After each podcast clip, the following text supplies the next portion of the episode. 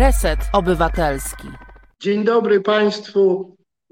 Witam Państwa dnia 13 sierpnia 2021 roku z nowego, nietypowego miejsca, mianowicie z miejscowości Soczewka pod Płockiem.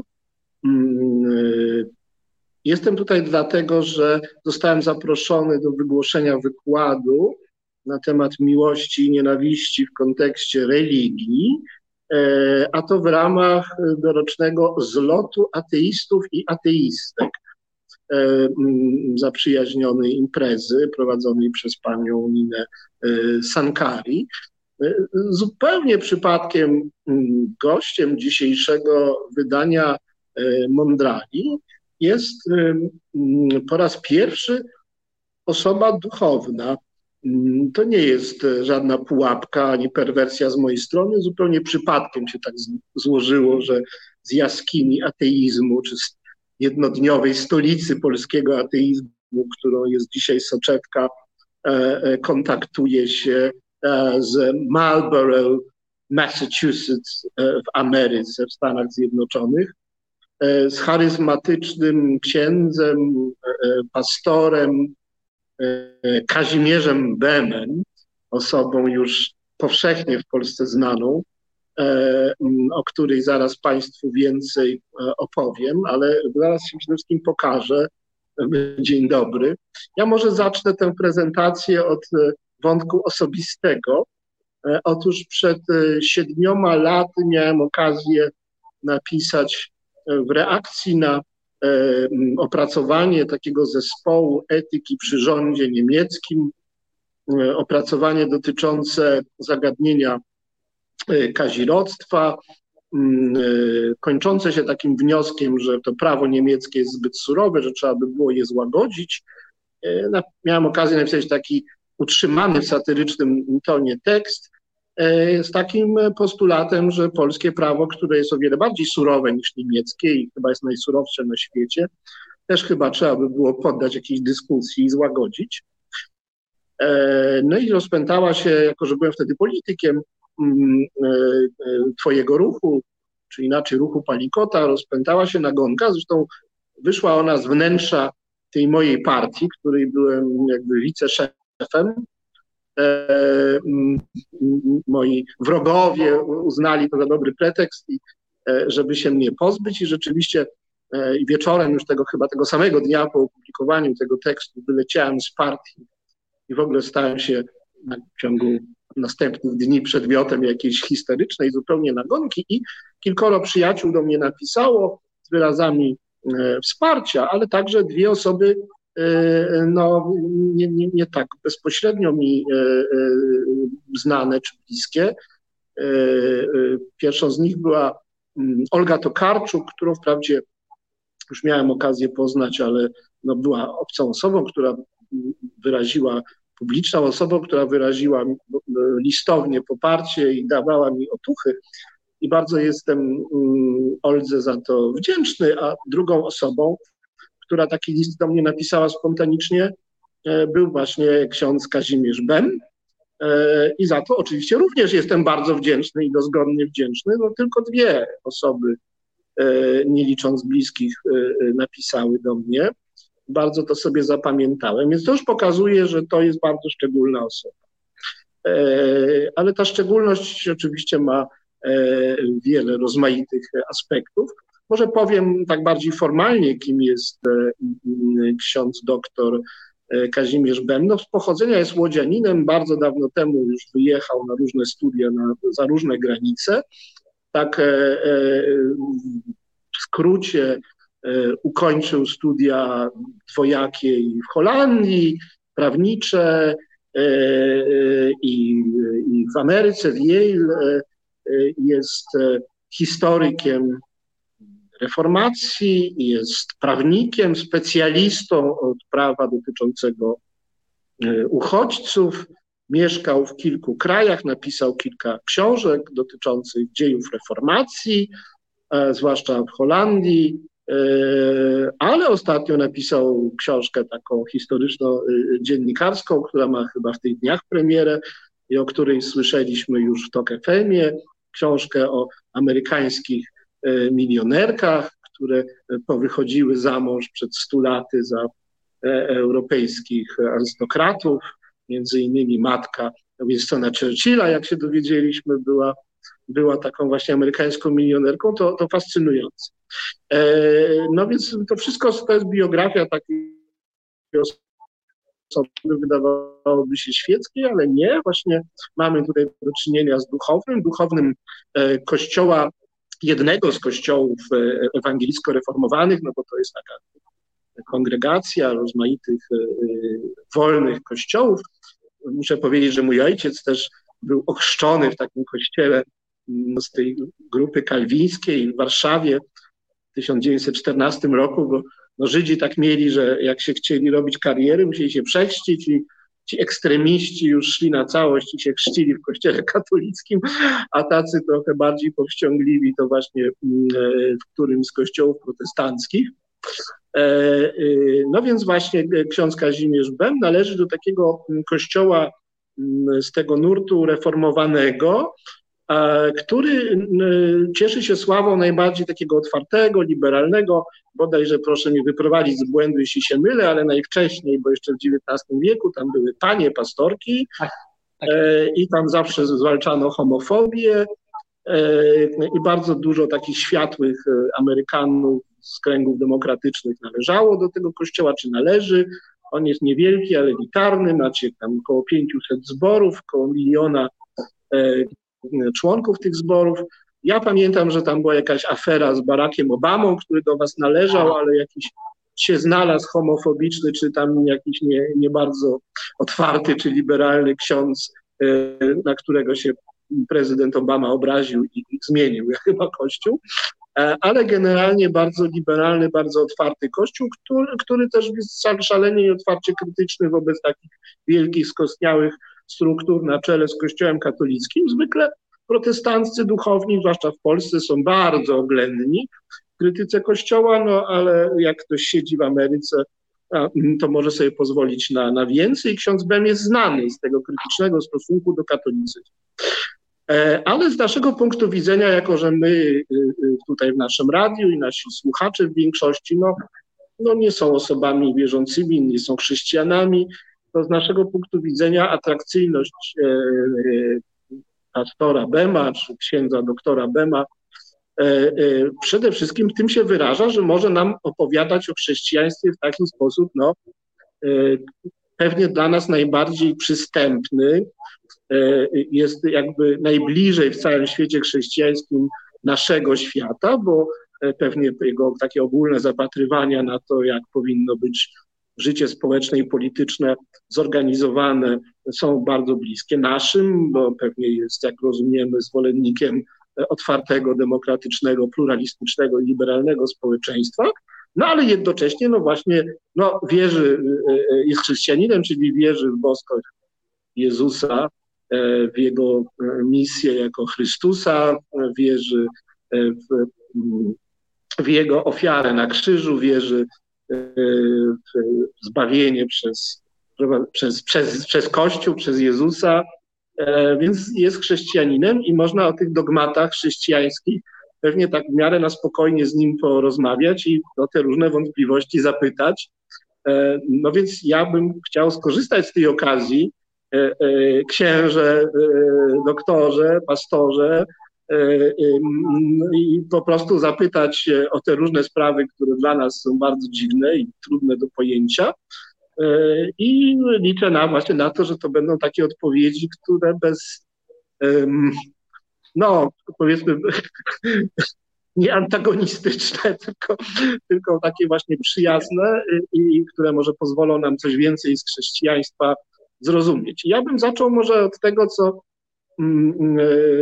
dla nas tutaj ateistów zgromadzonych na tym, na tym zlocie chyba jest najbardziej takie frapujące i niepokojące, bo no, prawdą jest, że wyznawcy chrześcijaństwa tak generalnie widzą innych, nie, nie wyznawców, ci, tych, którzy no, nie dali się przekonać, nie, nie, nie przyjęli dobrej nowiny, nie, nie jakby nie przyjęli ofiary Chrystusa, czy nie uwierzyli w nią i, i, i no, jednak odmówili przyłączenia się do, E, do Kościoła Powszechnego, no skłonni są widzieć no, w piekle, no co tu dużo mówić. No, miejsce no, w Królestwie Bożym, które, na które chrześcijanie czekają i którego zaczątkiem jest przecież e, e, Kościół łączący żywych, czekających na, na zbawienie i już zbawionych no, w tym kościele, w tej wspólnocie i Królestwie Bożym no nie ma miejsca na niewierzących Boga i niewierzących zwłaszcza e, w, mm, w Jezusa. No ci, którzy odmawiają się tam nie znajdą, więc e, e, no muszą się znaleźć gdzieś indziej, i, no bo dusze są nieśmiertelne, no więc ich miejscem jest piekło, a piekło, jak rozumiemy, to jest, no bo o ile znamy te doktryny chrześcijańskie, no to jest piekło E, e, tej, tego właśnie odwrócenia od Boga, tej samotności, to jest cierpienie wewnętrzne. Mm, e, i jakiś taki stan straszny, takiego nieustającego umierania w nieobecności Boga. Ja chciałem o tym piekle porozmawiać na początek. No czy naprawdę my musimy tam być, czy nie ma dla nas ratunku, czy sami będziemy z tego piekła może uciekać, bądź może Pan Bóg jednak ześle na nas tę łaskę E, i nas z tego piekła w końcu wyciągnie i przejdziemy przez jakiś czyściec i w końcu trafimy też do nieba, czyli jakby ostatecznie i tak się zostaniemy tymi chrześcijanami, no bo w końcu przecież wśród zbawionych e, nie ma miejsca dla niechrześcijan. E, jak to z tym piekłem jest i no, czy Pan przewiduje dla nas tutaj zgromadzonych na tym zlocie, a jest nas tutaj około 60 osób, no jednak jakiś przynajmniej parę milionów lat w tym piekle, a może już całą wieczność. I czego się tam mamy spodziewać? Czy będziemy się tam smażyć w ogniu własnych złych uczuć, e, czy może rzeczywiście jakieś cierpienia będą nam zadawane e, przez, prze, przez diabły?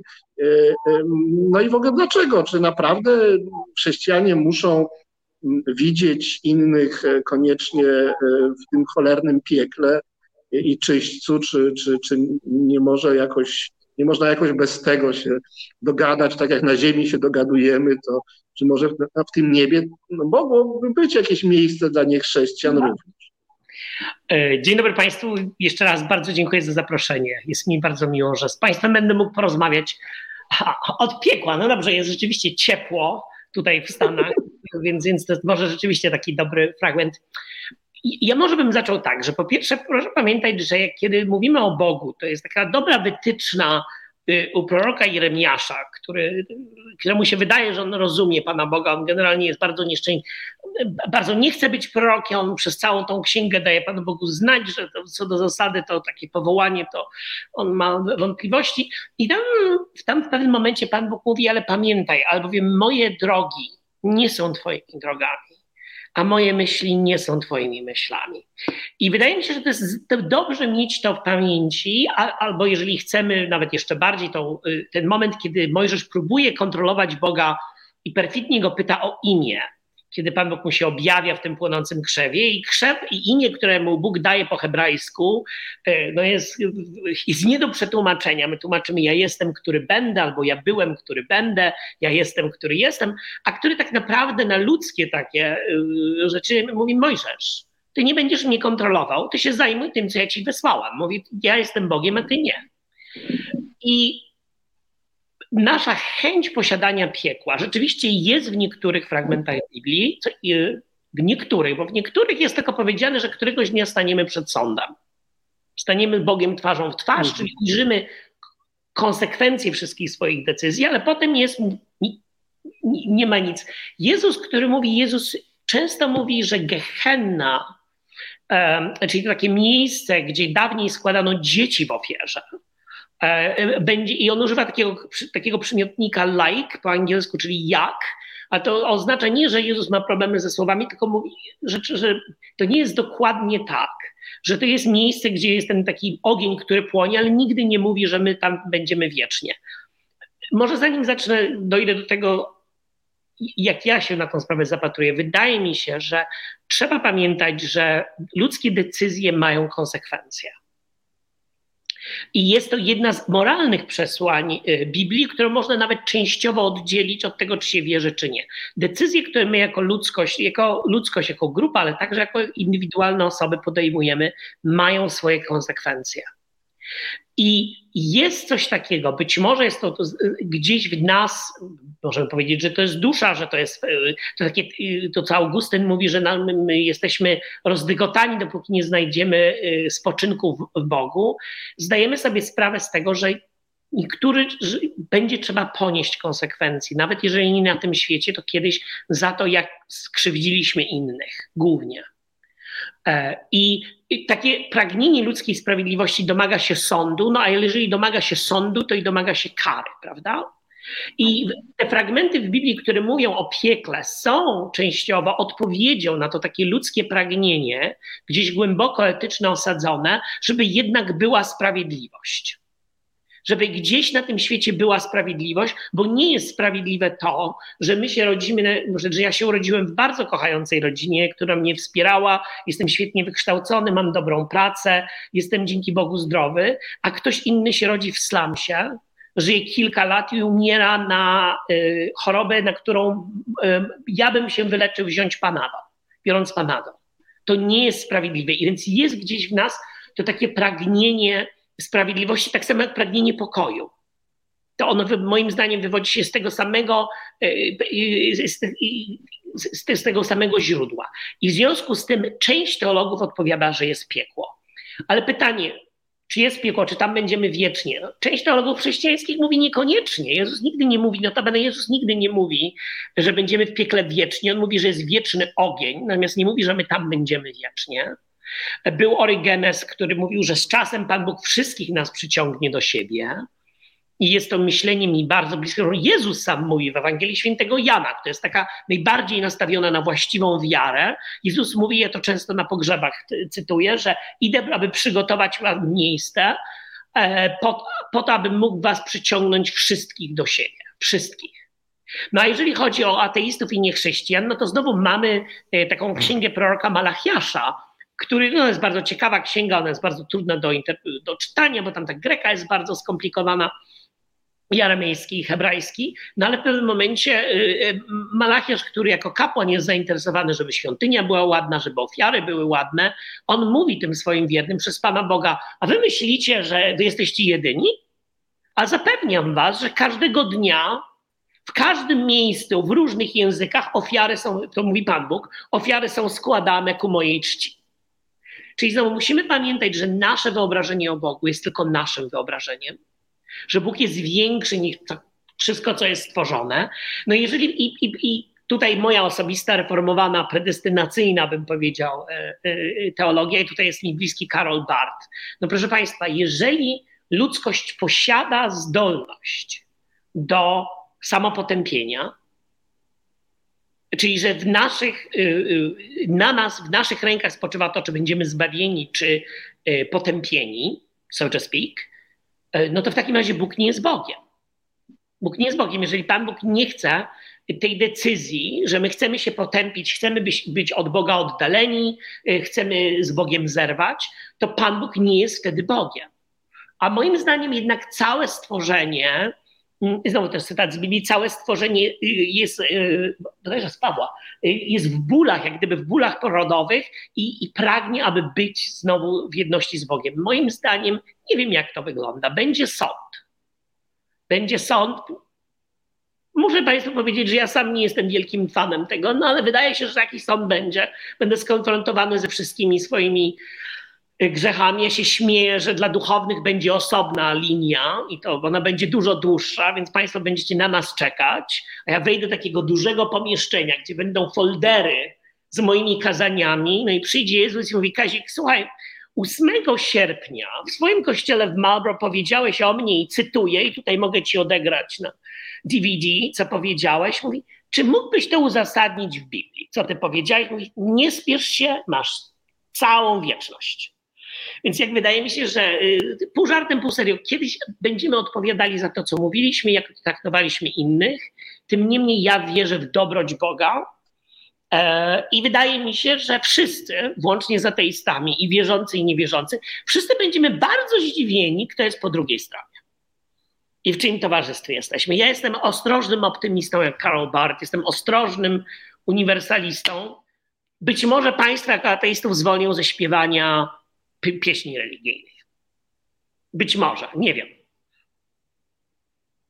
Tak mi się no wydaje. dobrze, ale tak na serio mówiąc, no przecież jak ktoś rzeczywiście jest chrześcijaninem i wierzy w sąd ostateczny, no tak. E, wierzy w paruzję, w przyjście Jezusa, no to tak. musi wziąć na siebie to, że to, że wierzy, iż to się wydarzy w porządku faktycznym, empirycznym. No tak.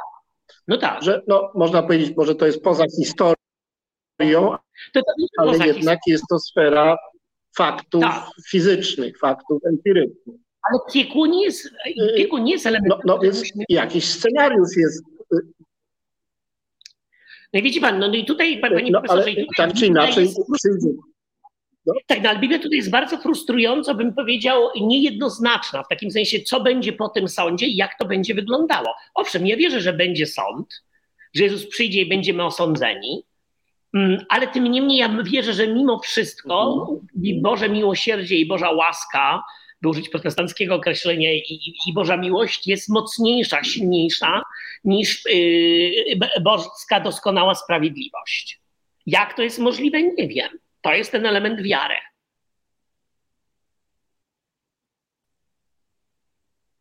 To jest ten element wiary. Ja jednak bardzo bym chciał się dowiedzieć, czy są jakieś scenariusze, e, ale muszę zapytać naszego pana realizatora, czy mamy y, y, co, możemy coś zrobić z naszym połączeniem. Pan zawiesza. Nie wiem, czy, czy, czy, czy pan Krzysztof jest dostępny. Halo, halo?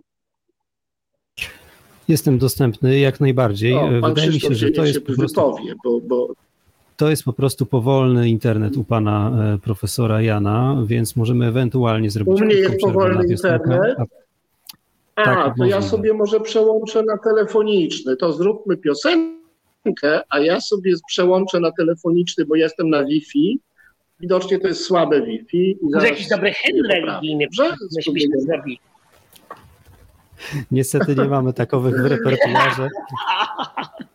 Ja nie podejmuję się śpiewania, chociaż znam kilka pacierzy po łacinie, ale nie będę może Państwa tutaj raczył. Także piosenka. Nie jest pandemia, naprawdę, ten świat już jest to nie, nie ma sensu, żebym ja Państwa raczył moim śpiewaniem. Tak. Dobrze, to ja się spróbuję połączyć, ja się połączę z drugiego, z drugiego y, urządzenia. Słuchasz Resetu Obywatelskiego. No może teraz będzie lepiej. E, drodzy Państwo, mm, e, mieliśmy przedwczesną piosenkę e, naszym dzisiejszym programie mm, Mondrale w Radiu Reset Obywateli. Jest piątek 13. E, e, może to dlatego, ha, ha, ha. Ja nadaję ze wsi, z Soczewki pod Płockiem. Myślałem, że tu będę miał w takim ośrodku czasowym dobre Wi-Fi, ale musiałem się przenieść na, na telefon. Może teraz połączenie będzie stabilne. Po drugiej stronie Atlantyku w Massachusetts, w Balborough, pastor tamtejszego kościoła, e, Zjednoczonego Kościoła Chrystusa, takiej kongregacji, e, pan pastor dr Kazimierz Bem jest z nami, rodem z Łodzi, ale tak naprawdę człowiek transatlantycki, światowy, e, można powiedzieć, no,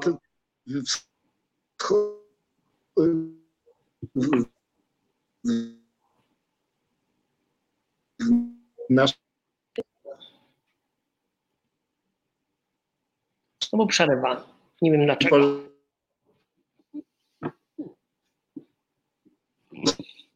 Panie profesorze, pan bardzo przerywa w tej chwili.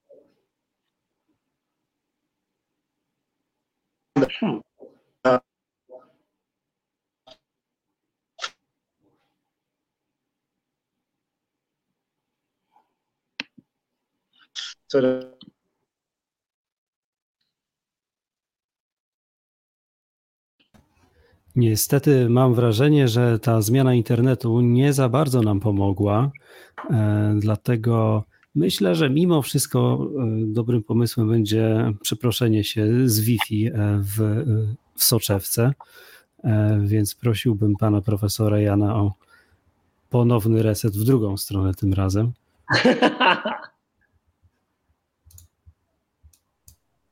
No co się dzieje, panie Krzysztofie? Czy ja dalej mam zły internet? Bardzo, bardzo możliwe. E, chciałem tylko zaznaczyć, że to pan nie jest zły, tylko zły jest internet. E, sugerowałbym jednak, żebyśmy przeprosili się z, z, z Wi-Fi. Więc może zróbmy krótką przerwę. E, Dobrze. I, Panie, i, i poproszę o tak? Gdyż i to i może w oczekiwaniu na pana profesora, bo tutaj widziałem, że parę osób za, y, teologicznie wysiada. Haha. Natomiast tam ktoś chciał jakieś pytania zadawać, więc może jak wpiszą, e, może jakby osoby wpisały, bo tam jest jakieś pytanie jakieś o LGBT, sprawy bieżące, interesujące. Jak Państwo macie pytania, to można zadać.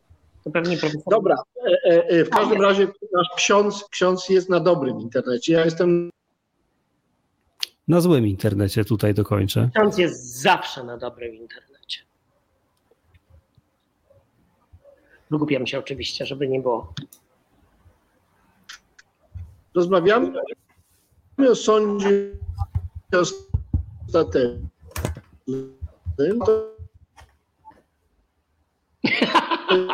Jak on właściwie ma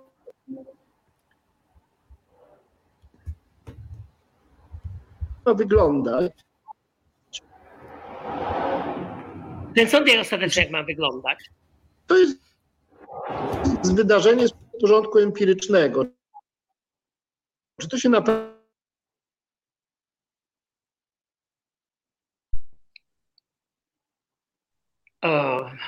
Więc ponieważ ja usłyszałem tylko tę pierwszą część, może ja odpowiem, jak pan profesor będzie się logował z powrotem na Wi-Fi, jak to ma wyglądać. No, tak naprawdę znowu to jest i, i, i Stary Testament, ta część Biblii Hebrajskiej i ten Nowy nie jest jasne w tej sprawie, jak to ma wyglądać. Mówi, że będzie sąd. Y, niektórzy mówią, że staniemy z Bogiem w twarzą w twarz. Jest ta przypowieść w Mateuszu, kiedy Jezus mówi, że w dniu sądu y, Syn Człowieczy usiądzie i będzie sądził. I co ciekawe, w Mateuszu nie będzie sądził na podstawie wiary, ale na podstawie uczynków w stosunku do uchodźców, wdów, sierot, osób w więzieniu, e, głodnych, chorych i nagich. E, nigdy nie będzie jakoś dziwnie nie pytał a, a propos tego, jak się zachowaliśmy w stosunku do duchownych e, ani do rządzących. Natomiast no proszę pamiętać, znowu to są, za każdym razem to jest, jest to przenośnie, albowiem sąd ostateczny będzie tak jak. I to słowo jak jest operacyjne. Mm, chodzi o fakt, o fakt, o wydarzenie ponad czasem, że będziemy kiedyś sądzeni z tego, jak traktowaliśmy najsłabszych w naszym społeczeństwie, czyli znowu uchodźców, wdowy, sieroty, osoby wykluczone, w Polsce osoby LGBT. No chyba nie mamy żadnej wątpliwości, że w Polsce my Polacy będziemy sądzeni za to, jak zachowaliśmy się w stosunku do uchodźców parę lat temu i jak zachowaliśmy się znowu parę lat temu podczas kampanii prezydenckiej w stosunku do osób LGBT, co na, co na ich temat mówiliśmy. Um, więc tak ten sąd będzie wyglądał. Proszę, proszę, pamiętać, że w tej wypowiedzi Jezusa mało interesuje nasze wyznanie wiary. Co więcej, tam cała masa osób i wygląda na to, że w ogóle nie, nie, nie wiedziała go, nie rozpoznawała, tylko postępowała właściwie. Tyle. O, jest pan profesor? Już jesteśmy? Tak, tak. Znaczy, no, bardzo, bardzo jejne i słabe, za to przepraszam, tak się to jeszcze nie wydarzyło. Jestem na jakiejś wsi. Teraz. Teraz pana widać. To mi szwankuje łącznie z moim e, e, statywem. Dobra. E, czy teraz mnie słychać? Tak. Tak. Co? Tak, tak, tak. Jest ok, bo jeśli, jeżeli, jeżeli okay. panie, panie Krzysztofie, jeżeli nie jest ok, to może to będziemy musieli dokonać jakichś radykalnych zmian, to znaczy nagrać resztę, resztę programu za kilka godzin i przeprosić słuchaczy i potem spuścić resztę z puszki. E, proszę mi powiedzieć, panie Krzysztofie, czy teraz mnie słychać? Teraz jest w porządku. Teraz jest dobrze. Jeśli Jest pan profesor mnie słyszy. Co dobrze? Tak. Tak.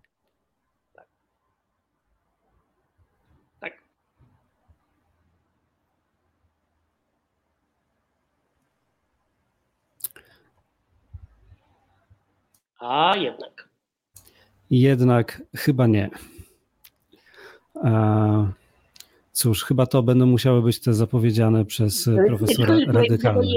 Tu osoba, która się Joznin Talin X. Czy mam rozumieć, że chrześcijaństwo już nie utożsamia się z koncepcją Boga, tyrana, No. których się wynagradza? do innego pomieszczenia. E, e, To jest ostatnia rzecz, którą mogę zrobić. Mogę się znaleźć, to jest już wszystko. Jeżeli się znajdę bliżej Lutera i to na- nadal nie pomoże, to musimy zmienić coś radykalnie. O, i teraz połączenie będzie. Nie. Proszę, proszę. O, dobrze. Halo, halo, dobra. Dobra, to podejmijmy ostatnią próbę, to my to będziemy jeszcze, e, przepraszam słuchaczy, którzy są na żywo, ale większość na szczęście, że się tak wyrażę, nie jest na żywo. E, I my to będziemy oczywiście jeszcze czyścić i montować, więc to, to znikną te, e, te nasze trudności. E, ale teraz się widzimy, tak? I teraz możemy rozmawiać. Tak, tak, tak. tak. Jestem słyszany? Bardzo dobrze. To pytanie jest takie, to, czy to jest tak, że jednak no my musimy zostać ukarani, nie, jako niewierzący, jako ateiści, będziemy musieli ponieść konsekwencje swojej zatwardziałości. Znaczy po prostu przewidziana jest dla nas kara za to, żeśmy no, objawienia y, Ewangelii nie przyjęli, nie uwierzyli, żeśmy jednak tą ofiarę Chrystusa, o której nas wielokrotnie informowano, e, no, zlekceważyli. On za nas umarł, a myśmy tego nie przyjęli, nie docenili, nie uznali. E, To jest bardzo ciężki grzech, rozumiem, w perspektywie chrześcijańskiej. Czy my musimy zapłacić za to cenę? E, No więc właśnie. Jaka jest przewidziana, że tak Ale, ale panie profesorze, problem, ja wspominałem, że Biblia, jeżeli chodzi o, o, o, o że tak powiem, jak będą wy, wyglądały, scena sądu jest, jest bardzo niejednoznaczna. Mówi, że będzie sąd, ale nawet w tej słynnej przypowieści Jezusa o oddzieleniu e, e, kozłów od owiec, nie będziemy sądzeni za wiarę paradoksalnie. Nam Jezus wyraźnie mówi, że będziemy sądzeni za uczynki za uczynki. Co więcej, tamci, którzy wchodzą do nieba, wydają się ludźmi, którzy w ogóle Jezusa nie znają. Prawda? I mówiłem, że Jezus, jak gdyby w Ewangelii Świętego Mateusza, która jest tą taką Ewangelią najbardziej, najbardziej uniwersalistyczna jest Ewangelia Jana, paradoksalnie. Ewangelia Mateusza, gdzie on jest najbardziej miłosierny, kazanie na górze jest jest coś pięknego. On, to jest ta Ewangelia, która nas, jak ja mówię moim parafianom, zawsze trzyma nas on tippy toes, czyli trzyma nas na najlepszym zachowaniu, bo Mateusz nie chce nam powiedzieć, że będzie powszechne zbawienie. On jak gdyby się trochę tego boi, bo uważa, że jeżeli powiemy, że będzie powszechne zbawienie, to ludzie będą traktowali innych tak, jak na przykład Polacy potraktowali 10 lat temu uchodźców. No pamiętam, co, co było opowiedziane. O, w ogóle nie chcę na ten temat mówić. Jak potraktowali jak, jak się wypowiada o osobach LGBT, y, jak potraktowali na przykład Polacy Żydów w czasie II wojny światowej, swoich sąsiadów. I jak gdyby pod tym względem Mateusz próbuje y, y, nas y, wzmacniać nas takie, y, taką postawę, żeby, żebyśmy pamiętali, że nasze wybory moralne, wybory etyczne mają znaczenie i jego zdaniem i zdaniem chrześcijaństwa te wybory najlepiej ugruntować, jeżeli są ugruntowane wiarą. Ale znowu, ja nie wiem, ja, ja wiem, że Bóg będzie sądził według miłosierdzia, według litości, które będzie temperowało jego sprawiedliwość. To wszystko, co mogę powiedzieć. I, i może taka ostatnia anegdota po propos potępienia. W krajach protestanckich jednym z najgorszych takich określeń kiedyś y, y, można było mm, zabluźnić, to jest God mhm, it. Niech to Pan Bóg mm, przeklenie. I pamiętam, e, ja, ja tego nigdy nie używam, pomimo tego, że klnę jak szef czasami. Pamiętam, kiedyś byłem w Holandii i coś mi się wymsknęło i jak nigdy powiedziałem hot. I taka stara Holenderka odwróciła się do mnie i powiedziała nie. nie masz takiej siły, żeby chcieć albo nakazać Panu Bogu, by coś potępił. I potem pamiętam, jak mój profesor od pastoralnej powiedział, że e, życzenie, żeby co, coś albo ktoś był potępiony, jest jednym z najgorszych życzeń, najbardziej grzesznych życzeń i postaw, jaką możemy mieć. Naszą nadzieją jest na to, abyśmy wszyscy się kiedyś po tamtej stronie odnaleźli, żebyśmy ten nasz dialog byli w stanie kontynuować. Ja to, ja, ja sens mojego życia opieram w tym objawieniu, ale znowu pamiętam, że Pan Bóg mi cały czas mówi, Kazik, pamiętaj, że moje drogi nie są twoimi, a moje myśli nie są twoimi. No, ale I, z wyrokami zgadzać trzeba, jak Bóg kogoś potępi. Ale, ale, ale Biblia nigdy nie mówi, kogo Bóg potępi. Ona cały czas mówi, to jest cały czas to ciągłe zaproszenie. Na przykład w Księdze Powtórzonego Prawa jest to jedno z najpiękniejszych fragmentów y, Tory. To jest 30 rozdział. To jest tak, takie przemówienie, kiedy Mojżesz mówi, ale tak naprawdę słowami Jezusa, y, słowami Boga, mówi, patrz, kładę przed tobą ży drogę życia i śmierci. I więc wybierz życie. Ale Biblia nigdy nie mówi, że ci ci będą potępieni.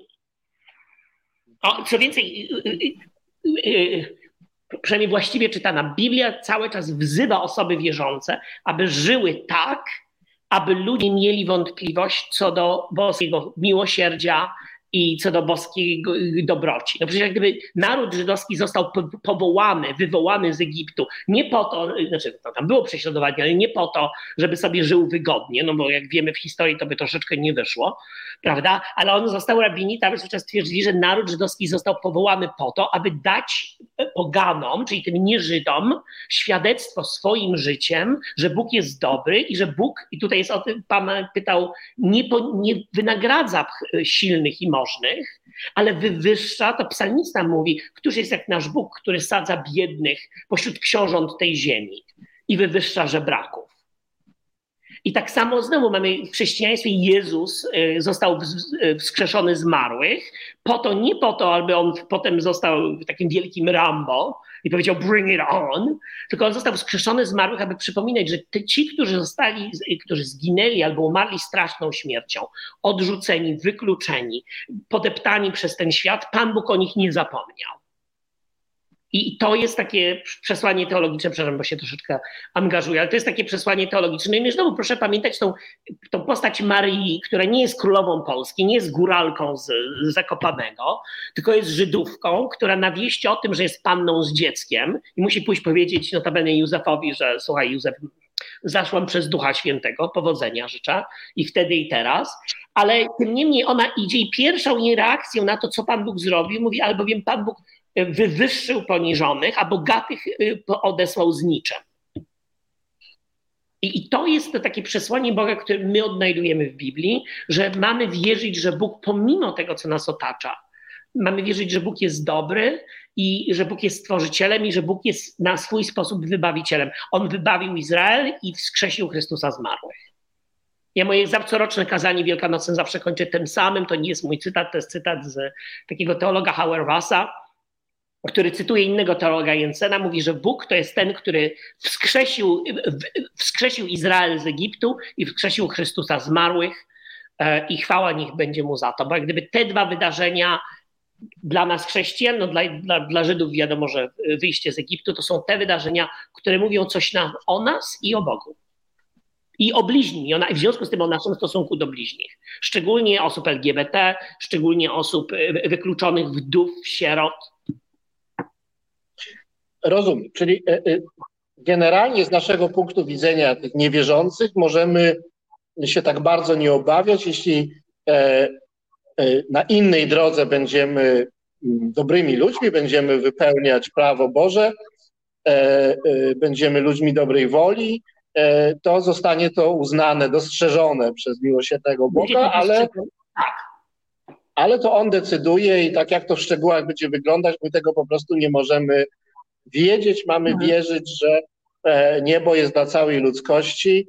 No a chrześcijanie to są jakby ten lud wybrany, do którego każdy może przystąpić, ale no jak nie przystępuje, no to jego ścieżka do nieba będzie może bardziej pokrętna, dłuższa, ale e, można liczyć na to, że się tam trafi.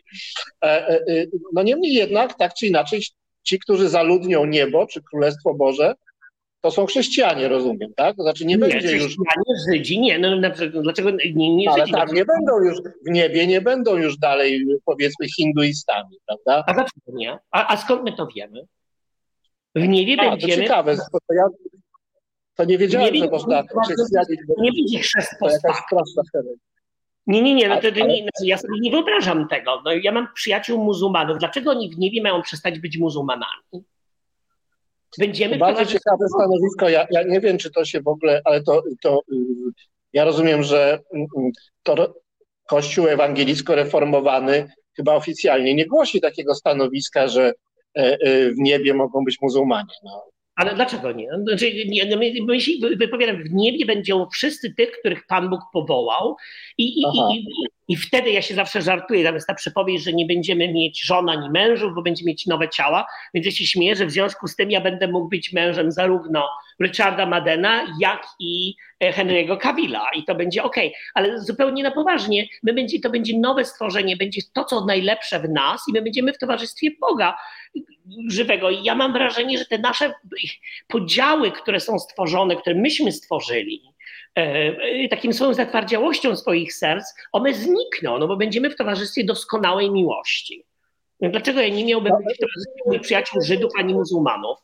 To ja bym o ten stan zbawczy jeszcze zapytał. No rozumiem, że oczywiście chrześcijanie wierzą, że on ma tę stronę empiryczną, że w jakiejś formie e, wszyscy zmartwychwstaną, otrzymają nowe ciała i no, potępieni e, no, będą musieli no, na pewno jakoś poczekać jednak i pocierpieć, ale, ale ostatecznie no, rozumiem, że najbardziej tacy życzliwi światu e, e, chrześcijanie wierzą, że w tym stanie zbawczym znajdą się wszyscy, wszyscy zostaną jakoś naprawieni i staną się godni e, no, udziału w tej wieczystej wieczerzy pańskiej.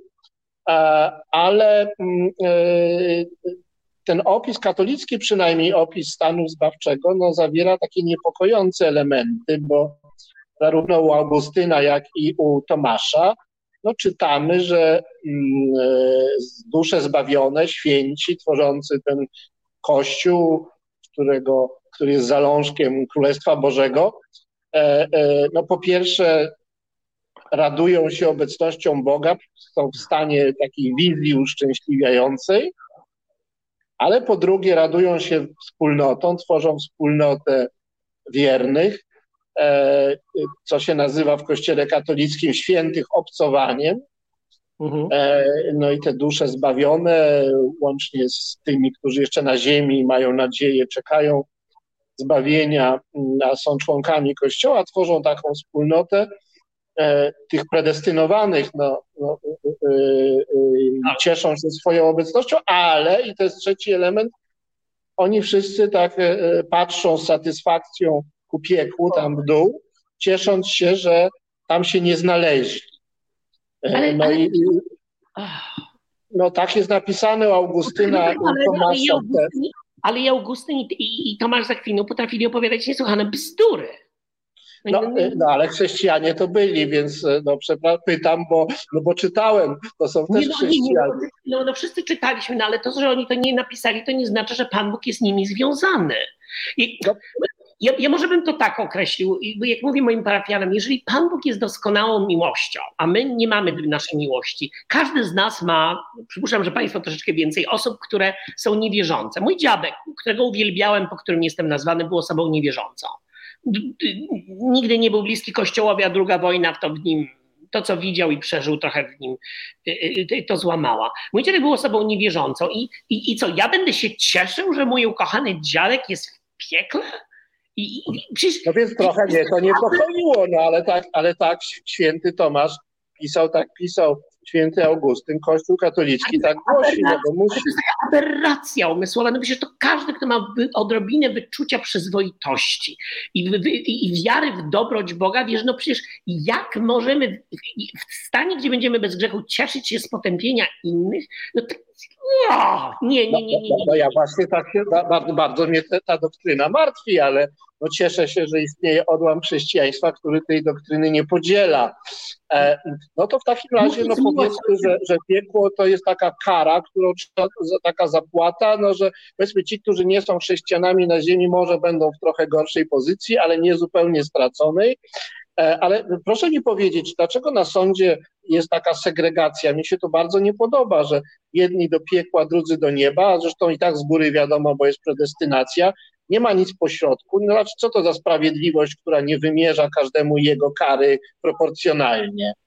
Ale znowu obracamy się, bo my próbujemy na siłę przeczytać przypowieści Jezusa. Przypowieści Jezusa, które są um, i, i, i takim jego sposobem uczenia czasami pewnej prawdy moralnej i przypowieści czyta się w ten sposób, że to nas uczą zresztą w seminarium, że kiedy się czyta przypowieść, Jezus chce przekazać pewną prawdę moralną lub przekazać pewną prawdę teologiczną.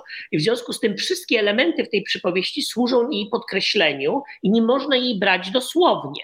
Słynna przypowieść o, o synu marnotrawnym. Był ojciec, który miał dwóch synów. Nigdy nie było tego konkretnego ojca, tylko za pomocą tej przypowieści Jezus chce, przekazać coś o y, y, prawdę moralną, o, y, o przebaczeniu. Tak samo y, dobrym Samarytaninie. W tej przypowieści u Mateusza o podziale na owce i na kozły, Jezus zwraca nam uwagę, że nie można mówić: Kocham Cię, Panie Boże, i to, co było w Polsce. Dobrze, że hitlerowcy zostawili infrastrukturę w Oświęcimiu, będzie pomocna, jak przyjdą uchodźcy. Albo nie można zostawiać sobie osobnego talerzyka na wigilię, łamać się opłatkiem, dawać sianko i śpiewać oj maluśki, maluśki, maluśki i odmawiać ośmiu uchodźcom, ośmiu sierotom, które były skrzywdzone, które miały pourywane kończyny albo ciężkie problemy i odmówić im wizy do Polski i zapłacenie za ich leczenie i mówienie, że oni są zagrożeniem narodowym i potem iść na pasterkę. To, I o tym Jezus mówi, tak nie można. Za coś takiego odpowiemy przed sądem. I, I znowu, dlaczego w to wierzę? W Starym Testamencie jest w Księdze Powtórzonego Prawa taki przepis, kiedy Pan Bóg mówi, będziesz sądził obcego w swoim mieście sprawiedliwie. W szczególności nie okażesz się stronniczy przeciwko wdowie i sierocie i uchodźcy. Albowiem jeśli tak zrobisz i oni mi się oskarżą, ja usłyszę ich modlitwę i zapłonę gniewem. I z ciebie zrobię sierotę, wdowę i uchodźcę. Ja jestem Pan. Pan to, to duże imię z Księgi Wyjścia. Więc jak gdyby Pan Bóg cały czas mówi, to jak traktujemy najsłabszych ma znaczenie, ma ogromne znaczenie. Przepraszam, mi się trochę wody się muszę napić. Ja to bardzo przeżyłem wtedy. I, I, szczerze między nami, ja to bardzo przeżyłem 10 lat temu, to co się wtedy w Polsce działo. I, i nie mogłem uwierzyć, że, że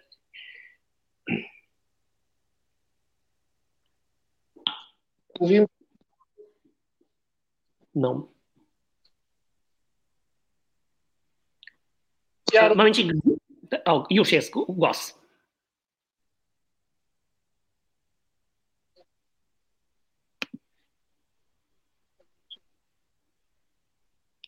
Panie profesorze, głos znowu zniknął, niestety.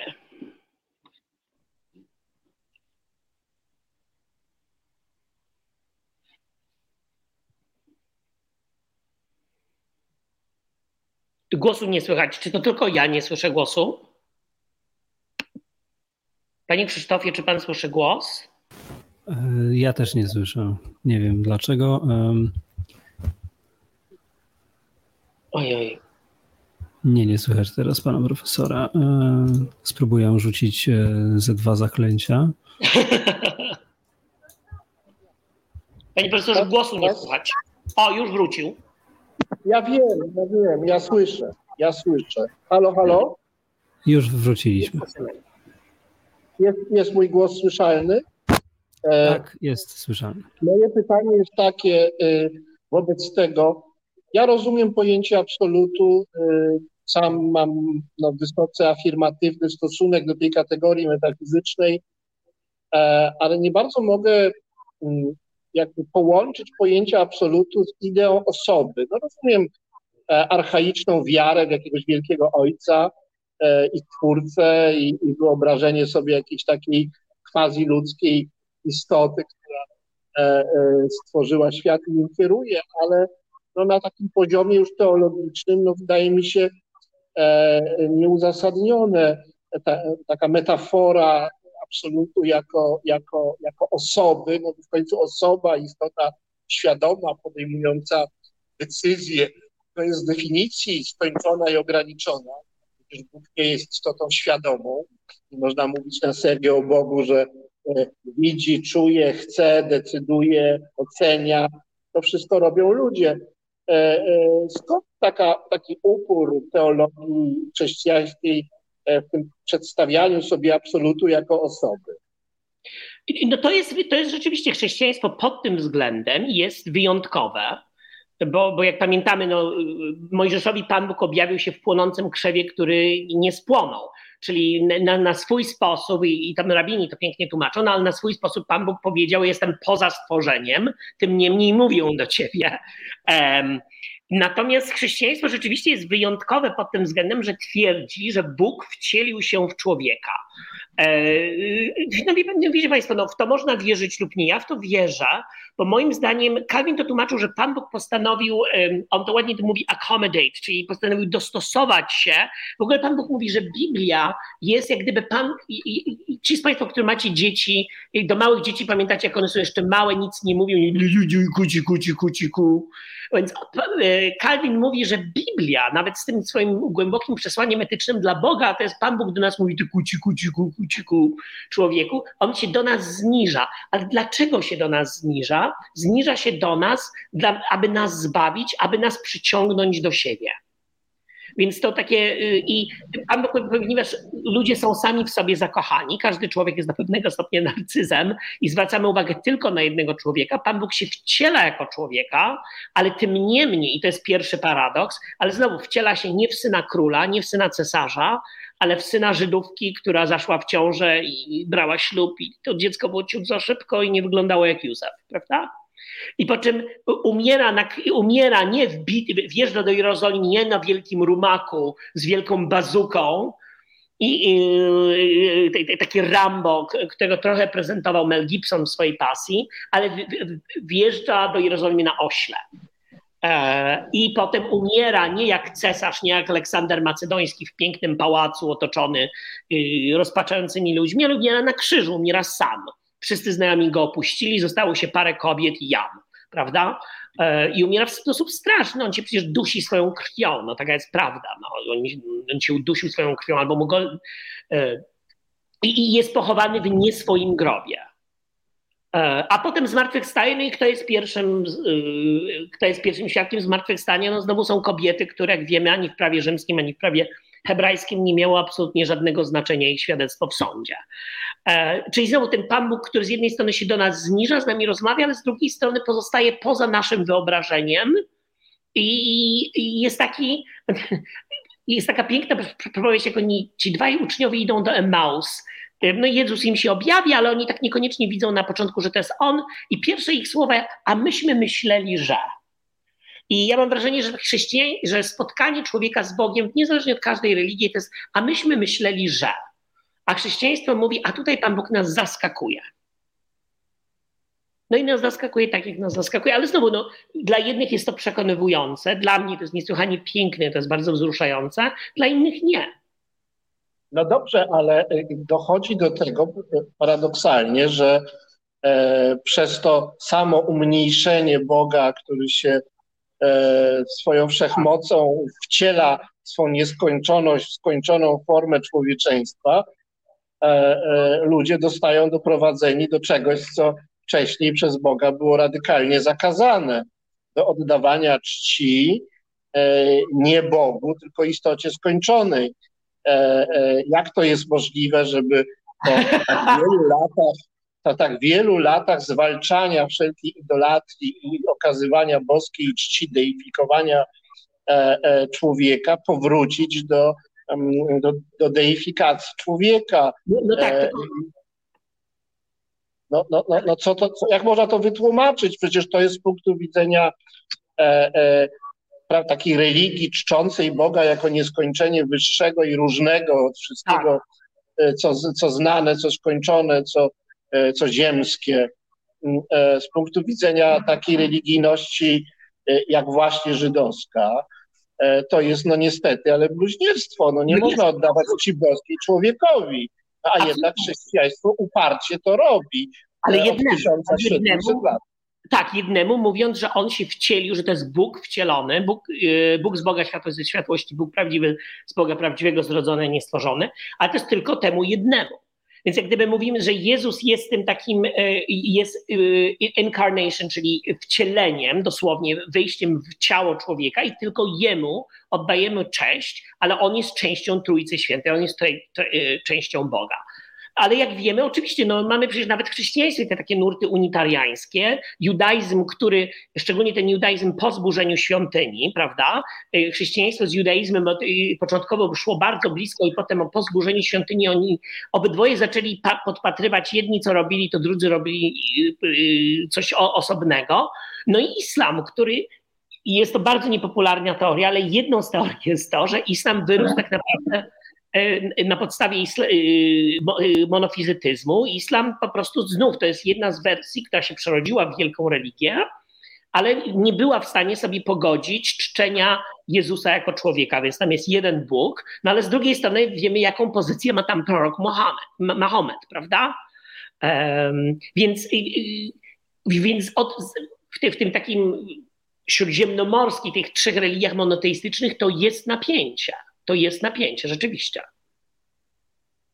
No tak, ale y, y, czy, czy, czy jako chrześcijanin no nie, nie czuje Pan jakiegoś takiego e, dyskomfortu, lęku, e, e, gdy jednak no, dochodzi do czegoś tak niesłychanego jak czczenie Boga w człowieku? No, ostatecznie takie akty są podstawą rytuału chrześcijańskiego. No, ja rozumiem wyjątkowość, pojedynczość, no ale to z definicji musi być pojedynczy taki przypadek, więc jak to się dzieje? Jak się z tym czujecie? Znaczy ja się, znaczy znowu ja paradoksalnie teologicznie jestem całkiem, jestem bardzo liberalny społecznie i politycznie i, i nie gospodarczo, e, ale społecznie i politycznie, zdecydowanie nie gospodarczo. Natomiast, e, natomiast teologicznie jestem dość ortodoksyjny i dla mnie, nie, no, dla mnie czcząc Jezusa czczę Boga. Znowu wiem, że niektórzy się z tym nie zgadzają, tym niemniej ja nie mam żadnych wątpliwości w to, że Jezus, znaczy żadnych wątpliwości. Wierzę, inaczej powiem, wierzę w to, że Jezus był e, i jest e, wcielonym Bogiem. I w związku z tym dla mnie to nie jest idolatria. Dla mnie idolatrią jest czczenie obrazków jako reformowanego Kalwina. Więc no, ale, obrazki, figurki. Ale przez pierwsze prawda? Tak zwani judeo-chrześcijanie, Żydzi, którzy stali pierwsze wspólnoty, no w ogóle czegoś takiego nie myśleli. No to, to, jest, to jest dyskusyjne, bo to jest jedna z wielkich dyskusji biblijnych, co wierzyli pierwsi chrześcijanie. E, I, i, I, szczególnie gdzie ci byli, o których chrześcijanach mówimy? Czy mówimy o tych w Jerozolimie i w, w okolicy, czy mówimy o tych, których Paweł y, nawrócił, czy mówimy o tych jeszcze, którzy się pojawili w Egipcie? prawda? Bo Paweł, on w zasadzie, jeżeli poczytamy dzieje apostolskie i te inne, to Paweł to był taki trochę wolny strzelec. On zaczął nawracać tych pogan.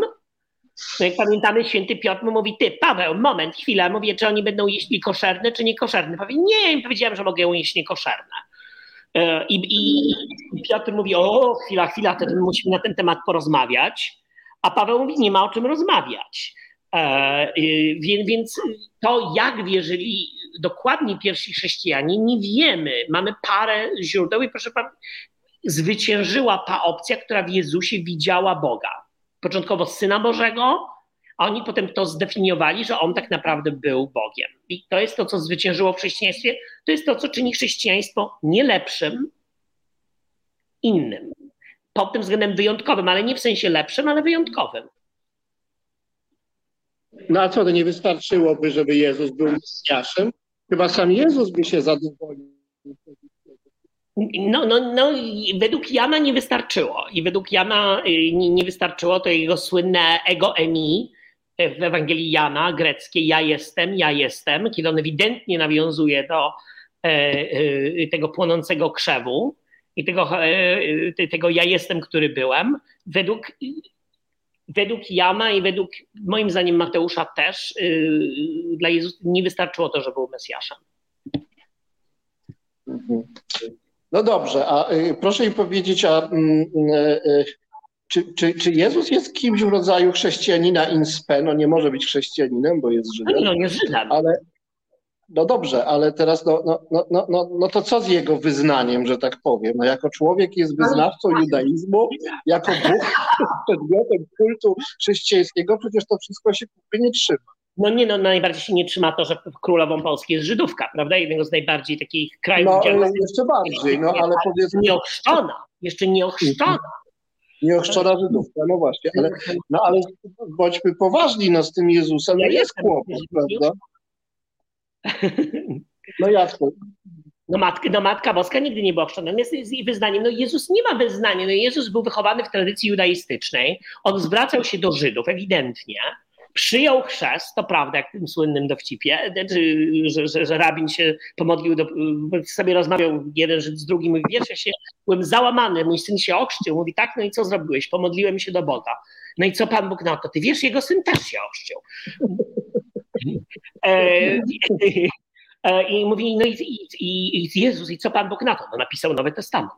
E, natomiast zupełnie poważnie, Jezus, tym niemniej w jego nauczaniu są te elementy, w którym on zwraca się, szczególnie pod koniec Ewangelii Mateusza, najbardziej judaistycznej Ewangelii, on mówi, idźcie i nawracajcie inne narody.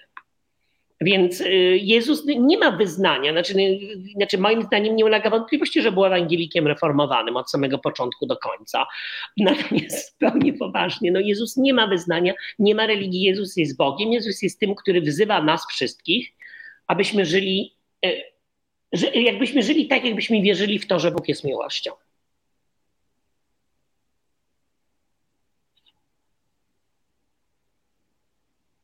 Moment, znowu nie słychać. O, już, już słychać. Zajmijmy się bowiem faktem. Dobrze. Jest, że głosić absolutną jedność i jedyność prostotę e, Boga, a jednocześnie upierać się, że nie na niby, tylko całkiem realnie jest troisty.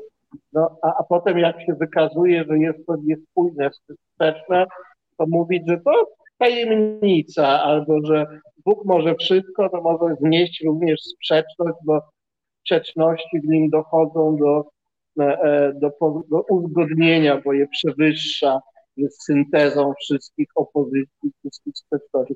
To nie jest poważne, no, no przepraszam, albo coś jest doskonale jedno, więc w żadnym aspekcie i w żadnym stopniu nie jest dwoiste ani troiste, albo nie jest doskonale i absolutnie jedno.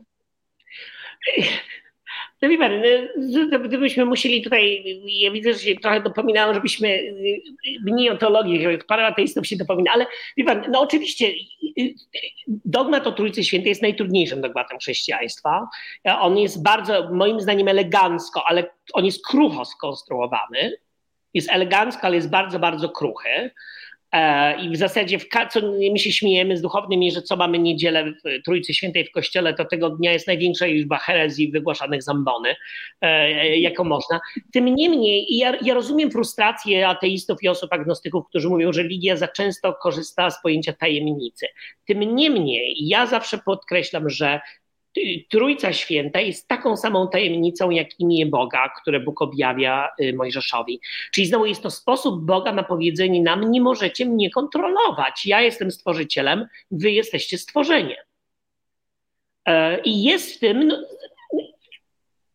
dla mnie jest to nauka o Trójcy Świętej jest bardzo elegancka, chociaż sam nie do końca czasami rozumiem, co i jak robi Duch Święty, no ale ona jest taka, jaka jest ona najbardziej, że tak powiem, współpracuje z zielonoświątkowcami, z nami reformowanymi, to bardziej pracujemy z Jezusem, on jest taki bardziej przewidywalny, też nie do końca, no ale mimo wszystko. Tym niemniej no, jest to część mojej wiary, którą znowu nie wszystko można racjonalnie wytłumaczyć. To nie jest nauka, to, w takim sensie to nie jest science, tylko to jest spotkanie z Bogiem, jest spotkanie z tajemnicą. Podobnie zresztą, wiecie Państwo, no, astronomia owszem jest nauką ścisłą, jest piękną nauką, tym niemniej nawet astronomia ma pewne e, e, limity, prawda? Słynne, co było przed wielkim wybuchem. Ja mam taką ładną też anegdotę, jak, autentyczną zresztą, to była konferencja na Harvardzie ornitologów. No i tam cała, wiesz, wielka dyskusja i jeden z nich mówi, ale po, postawmy sobie, musimy odpowiedzieć sobie na pytanie, dlaczego ptaki śpiewają. I bardzo znany, notabene wcale niewierzący yy, profesor tutaj był, nie wiem czy on był z Harvardu, ale wiem, że był podczas tej konferencji. Proszę Państwa, no, pytanie, od, yy, dlaczego ptaki śpiewają, jest pytaniem do teologów na Divinity School. To bardzo miła anegdotka. A, no, musimy się w anegdotkach poruszać, tak. No dobrze, to może teraz, skoro już orientujemy się w tych podstawowych sprawach, i no. które budzą niepokój e, e, niewierzących czy ateistów, gdy chodzi o chrześcijaństwo, e, no to skoro mamy do czynienia tutaj z wyjątkowo takim właśnie otwartym chrześcijaninem i taką wspólnotą chrześcijańską bardzo, bardzo mhm. inkluzywną, to moje pytanie, stosunek wielkich kościołów chrześcijańskich, katolickiego.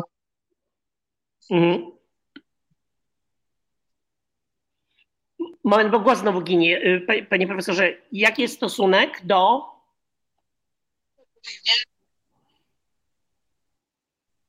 Znowu głos zginął. A!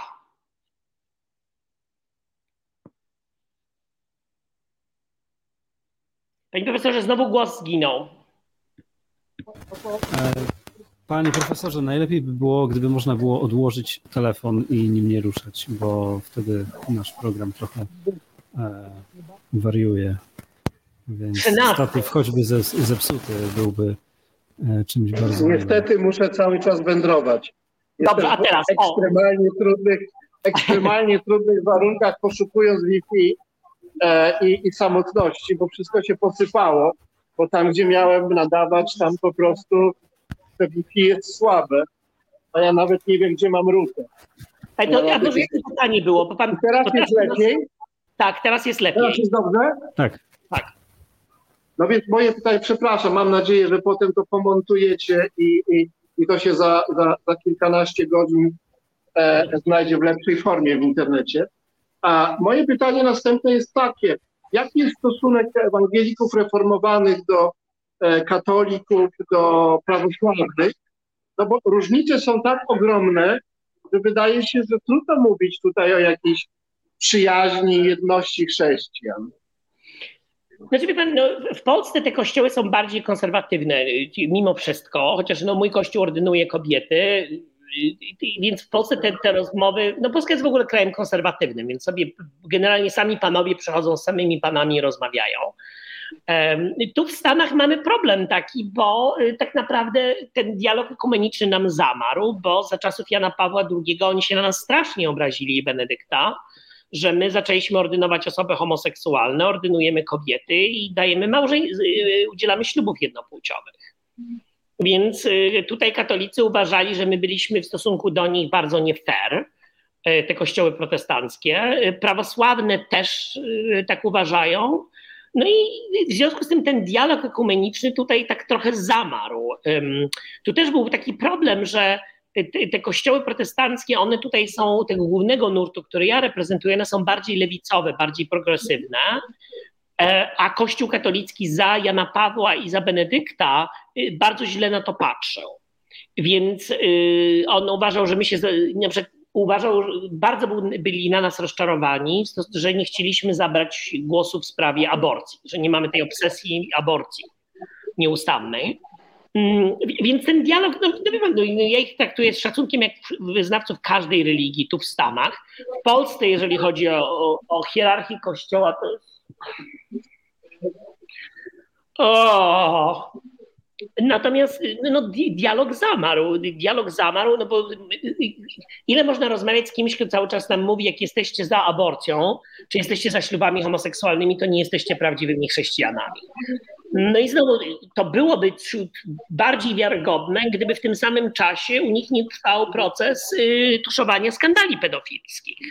No ale to, to, to się przypomina, że y, taka z, z filmu Wiek Niewinności, jak Harry van der Leyden mówi, że ludzie, którzy słyną ze złej kuchni, najgłośniej krzyczą, y, najbardziej skarżą się na gotowanie, y, kiedy odwiedzają innych. E, więc, więc ten dialog trochę zamarł. Mamy swoje, swoje. A w takim razie proszę mi powiedzieć, czy y, jedność chrześcijan jest dla ewangelików reformowanych jakąś, jakimś fundamentalnym postulatem i czy w związku z tym wielość kościołów, y, kongregacji jest, jakimś, jest jakąś tragedią, czy po prostu ten pluralizm jest czymś, co należy zaakceptować i, że tak powiem, do końca świata tak będzie i to nie przeszkadza Oczywiście, to jest coś, co należy zaakceptować moim zdaniem, szczególnie, że nawet no, w ramach naszych kościołów, w związków wyznaniowych często mamy parafie bardziej lub mniej konserwatywne, takie czy inne. E, e, my nie postrzegamy tego, że jedność chrześcijan to będzie kiedyś taki moment, kiedy papież będzie prowadził nabożeństwo, a my będziemy o, o papieżu mówić Ojciec Święty. No, to będzie Aha. miłe, będziemy w stanie razem prowadzić nabożeństwo komunijne, bo ja nie rozumiem, dlaczego nie, ale nie odczuwamy jakiejś takiej przemożnej potrzeby, bycia w jednej instytucji, przynajmniej ja zdecydowanie nie odczuwam, bycia w jednej instytucji z, y, arcybiskup, y, z arcybiskupem Jędraszewskim. Zdecydowanie nie. No dobrze, ale, ale czy, czy, czy brak jedności chrześcijan nie jest przeszkodą e, dla Jezusa, e, nie opóźnia jego nadejścia? Bo chyba katolicy tak to rozumieją. Nie, moim zdaniem, jeżeli już to tylko przyspiesza. No. On patrzy na ten syf, który my mężczyźni, głównie my mężczyźni duchownie zrobiliśmy i on mówi, przepraszam za określenie Jezus Maria, no muszę przyjść i coś z tym zrobić. No. Bo, bo, bo, więc zupełnie poważnie uważam, że nie, że to tylko przyspiesza, natomiast wcale nie opóźnia. Znowu to nie będzie tak, to jest jakiś taki dziwny mesjanizm w każdej religii, że jak będzie jeden owczarz, jedna owczarnia, y, jeden pasterz, no jednym pasterzem jest Jezus, a nie papież w Rzymie. No, trzeba znać swoje miejsce mimo wszystko. No. no dobrze, ale proszę mi powiedzieć w związku z tym, no, chrześcijaństwo już mniej więcej 2000 lat istnieje.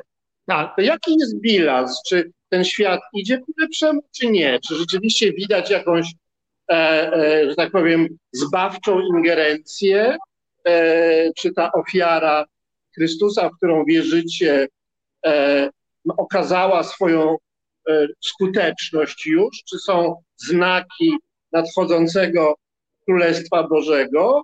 Czy też no, ten świat zawsze był zły i nadal taki jest i na razie jeszcze nie poskutkowała ofiara Chrystusa. Znaczy w teologii reformowanej my mówimy, że my nigdy nie zbawimy świata, yy, chociaż pojawiało się, miałem takiego jednego kolegę, który mówi, że Pan Bóg nie jest tego w stanie zrobić sam, ty mu musisz pomóc. Ja mówię, wiesz co, jak Pan Bóg nie jest w stanie tego zrobić, to ja dziękuję, to ja idę na, na rybę, bo to jak Pan Bóg tego nie ogarnia, to na, na pewno ja tego nie ogarnę, ale poważnie, no mamy nadzieję, że pewne znaki są. Proszę pamiętać, że... Mm, i to jest dość niepopularne. Znaczy, ja nie mówię, że cywilizacja chrześcijańska, czy, czy, czy, to, co mieliśmy przez pierwsze 2000 lat, było doskonałe. Nie było. To wiemy absolutnie.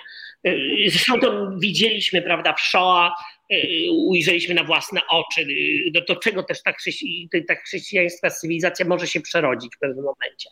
Tym niemniej proszę pamiętać, że kiedy Jezus był na świecie, zwyczajem były walki gladiatorów, i to nie były takie walki, jak my widzimy w telewizji, że y, y, jucha się leje, a on dalej walczy. To, było, to były potworne, obrzydliwe y, festiwal zabijania publicznego.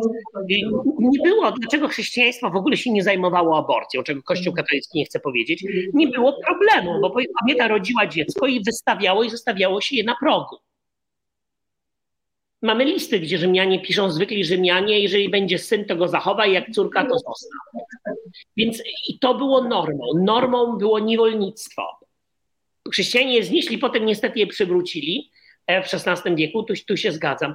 Normą było ukrzyżowanie. To był zupełnie normalny sposób y, zabijania y, y, przez Rzymian.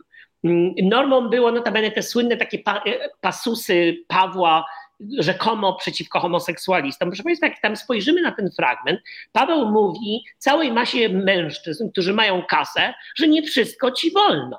Tylko dlatego, że jesteś bogatym Rzymianinem, masz kasę, nie oznacza, że możesz sobie pójść chłopca, kupić, go traktować jako, jako absolutny przedmiot, zarówno pod względem seksualnym, jak i każdym innym, i potem go wypluwasz. Mówi tylko dlatego, że jesteś bogatym facetem z dużą bazuką i przypuszczam małym sprzętem, nie wszystko ci wolno. I, i, i tam pod tym względem to zmieniono. Znowu, nie mówię, że cywilizacja jest doskonała. Tym niemniej wydaje mi się, że chrześcijaństwo miało pewien pozytywny wpływ na, y, na rozwój ludzkości. Tym niemniej jest to, jak to ładnie mówią, work in progress. To jest work a, co, a, a, a co będzie w przyszłości? Na razie wygląda na to, że jest w odwrocie. E, I że to, co jakby miało swój czas, miało swoją szansę, trwało to bardzo wiele lat, mhm. e, e, a, a, teraz no, no, no, no, jaka jeszcze praca jest do wykonania i, i, i, i czy rzeczywiście chrześcijanie mają szansę tę pracę wykonać, skoro zdecydowanie ich czas już się kończy, ustępują pola innym wyznaniom, a także no, bezwyznaniowości. No proszę Państwa, być może, kto wie, kto wie. E, znaczy ja wierzę, że nie. Ja wierzę, że nie, gdyby temu poświęciłem swoje życie, ale z drugiej strony, no, to, ja uważam, że jest cały czas sporo do wykonania. To Chesterton ładnie powiedział. Mówi, że problemem chrześcijaństwa nie jest to, że ktoś się wypróbował i ono nie działało. Problemem jest to, że od dwóch tysięcy lat mówimy o tym i jeszcze tego nikt nie wypróbował. I, i, I, ja mam wrażenie, że naprawdę w tych, wiecie Państwo, abstrahując od, od wszystkich problemów, wszystkich kościołów i, i, każda religia ma taki w sobie element hipokryzji. Trzeba powiedzieć sobie i, y, i trzeba to docenić, a to nie jest doceniane, że w takich największych slumsach w Brazylii, w Afryce, w Indiach bardzo często E, tam, gdzie państwo mówi, nie, tu jest taki syf, że my tu nikogo nie wyślemy, to są ludzie wierzący. Często już zupełnie y, y, ta teologia dla mnie jest troszeczkę opresywna, ale to są ludzie wierzący, albo na przykład zakonnice, bardzo często są zakonnice, którzy w tych slumsach są i są z tymi ludźmi i dają im nadzieję i starają się, jak chrześcijaństwie, nosić sobie wzajemnie krzyże, pomagać sobie je nosić. I moim zdaniem religia jest to coś, co no, po łacinie znaczy zszywać sens, ale moim zdaniem objawiona część religii to jest to, że mówimy sobie nawzajem, że ponieważ jest Bóg, to my nie jesteśmy tu sami. To nie jesteśmy tu sami. I, I, szczególnie podczas tej pandemii, mi się wydaje, kiedy ja na przykład nie widziałam moich rodziców przez 16 miesięcy, to było dla mnie straszne. Um, no a w końcu ich zobaczyłem. To tak odkryliśmy to, że jednak jesteśmy takim stworzeniem, który chce być innym i, i potrzebna nam jest ludzka solidarność. Potrzebne nam jest yy, i, i ja mam nadzieję, że takie najlepiej, religia działa najlepiej w naszym życiu, kiedy wyzwala solidarność, miłosierdzie, yy, zrozumienie yy, i pewnego rodzaju pokorę przed Bogiem pewnego rodzaju pokorę, bo znowu Pan Bóg mówi, moje drogi nie są Twoimi drogami, a moje myśli nie są Twoimi myślami. Zrobimy sobie teraz przerwę na piosenkę, po której będę jeszcze około pół godziny programu. Ja od razu zapowiem, że po piosence chciałbym zapytać, dlaczego tak bardzo się nie udało Kościołowi katolickiemu? Dlaczego jego bilans historyczny jest tak zły? Czemu Pan Bóg nie pomógł? E, kościołowi katolickiemu, bo no to by chyba przemawiało nieco przeciwko e, chrześcijaństwu, że e, Kościół największy, czczący Jezusa, okazał się tak no, złą organizacją i ma taki zły historyczny bilans, czy nie jest to jakiś argument przeciwko chrześcijaństwu? Wygląda na to, że Pan Bóg tak bardzo z chrześcijanami nie sympatyzuje, skoro pozwolił, żeby Kościół katolicki był jaki był i jest jaki jest. E, to pytanie na po piosence. Jeszcze raz przepraszam za wyjątkowo trudne dzisiejsze łączenie, wręcz dramatyczne, no ale tak to jest, jak człowiek jest na wsi, a nie Massachusetts. Do, do zobaczenia za 4-5 minut. Słuchasz Resetu Obywatelskiego. Reset Obywatelski działa dzięki Twojemu wsparciu. Znajdź nas na zrzutka.pl.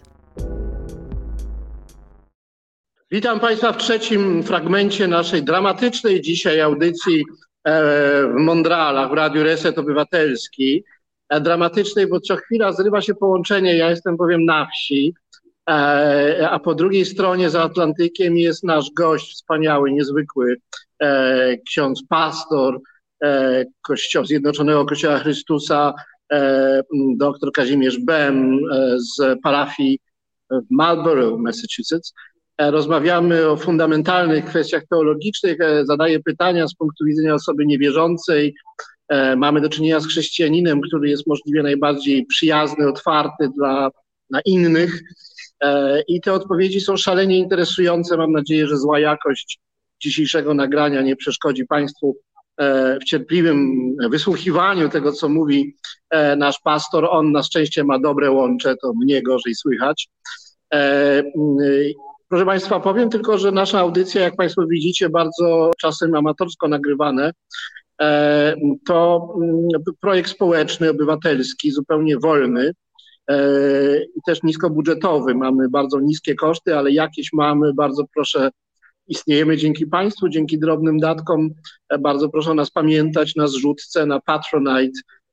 Bardzo dziękuję również tym osobom, które są producentami, czyli sponsorami naszych audycji. W naszym przypadku dzisiaj nie po raz pierwszy i nie drugi. Tym producentem jest pan Paweł z Rabarbaru, za co bardzo serdecznie dziękuję. Przed przerwą pytałem o no, sprawę dosyć, dosyć drażliwą, dosyć fundamentalną, gdy chodzi o no, samą, samą zasadę chrześcijańską. Wydawało się, że Kościół katolicki no, jest jakby uprzywilejowany, jest rzeczywiście ramieniem Bożym na ziemi, jest rzeczywiście Kościołem Chrystusa, tak katolicy twierdzili, no ale praktyka pokazała, że ta instytucja chyba nie jest tak bardzo miła Bogu, bo no, daje znaki, że, że chyba to nie jest to, o co chodzi, skoro, skoro pozwolił, aby ten Kościół dopuszczał się tylu złych rzeczy. No i z tym pytaniem zostawiłem na czas piosenki pana, pana pastora. Bardzo proszę. No więc ja może bym, bo wiadomo, że mamy ten skandal pedofilski w tle i ja do niego też będę chciał wrócić, ale chciałbym też troszeczkę to zniuansować, bo bardzo często i, i w Polsce my postrzegamy Kościół rzymskokatolicki przez pryzmat Kościoła rzymskokatolickiego w Polsce. I ja muszę powiedzieć, że będąc wśród, y, y, y, ja mieszkałem w Kuwejcie, w Anglii, w Niderlandach, w Kanadzie, teraz w Stanach i muszę powiedzieć, że to jest zupełnie inny zwierz. Kościół rzymskokatolicki w Polsce. I jeżeli byśmy chcemy porozmawiać o tym, czy Kościół rzymskokatolicki w Polsce poniósł klęskę, dla mnie to nie ulega wątpliwości i to nie ulega wątpliwości, znowu wracam do ostatnich 10 lat. I, już w ogóle nie tknę, nie tknę tego, co się w czasie wojny działo, bo to jest.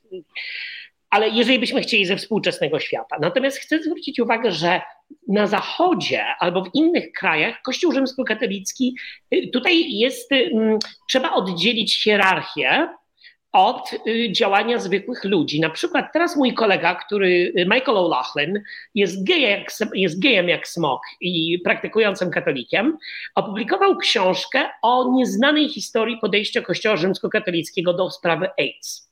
Wiemy, że Jan Paweł II miał to wkółko nie, nie, nie, nie, nie, nie, nie, na prezerwatywę nie był sobie w stanie niczego wyobrazić innego niż nie.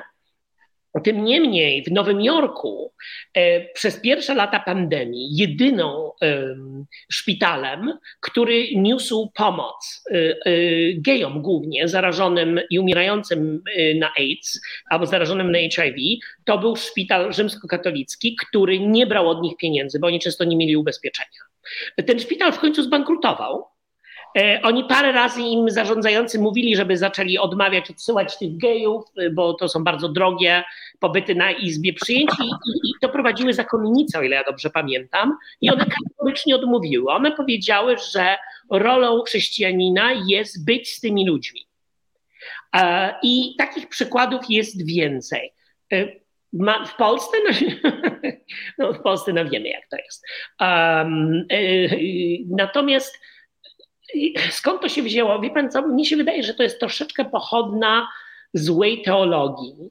Um, i złej teologii, złej struktury. Kościół rzymskokatolicki jest strukturą feudalną. Czy to nam się tak, a mówię nie oceniając w tej chwili na sekundę, jest to strukturą feudalną. Na górze jest rycerz i suweren i na dole są lennicy, e, czyli poszczególni księża. I tutaj jest głównie, on promował posłuszeństwo.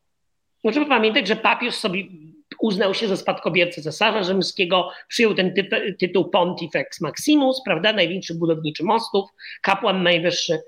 E, I w związku z tym, jeżeli struktura jest niesłychanie pionowa i zarządzają sami panowie lub same panie, bo ja to też widziałem w wersjach organizacji, gdzie były same panie, e, i nie ma rotacji i, nie ma ludzi z zewnątrz, to po jakimś czasie, to zależy w naturze ludzkiej, że zaczynamy chronić swoich.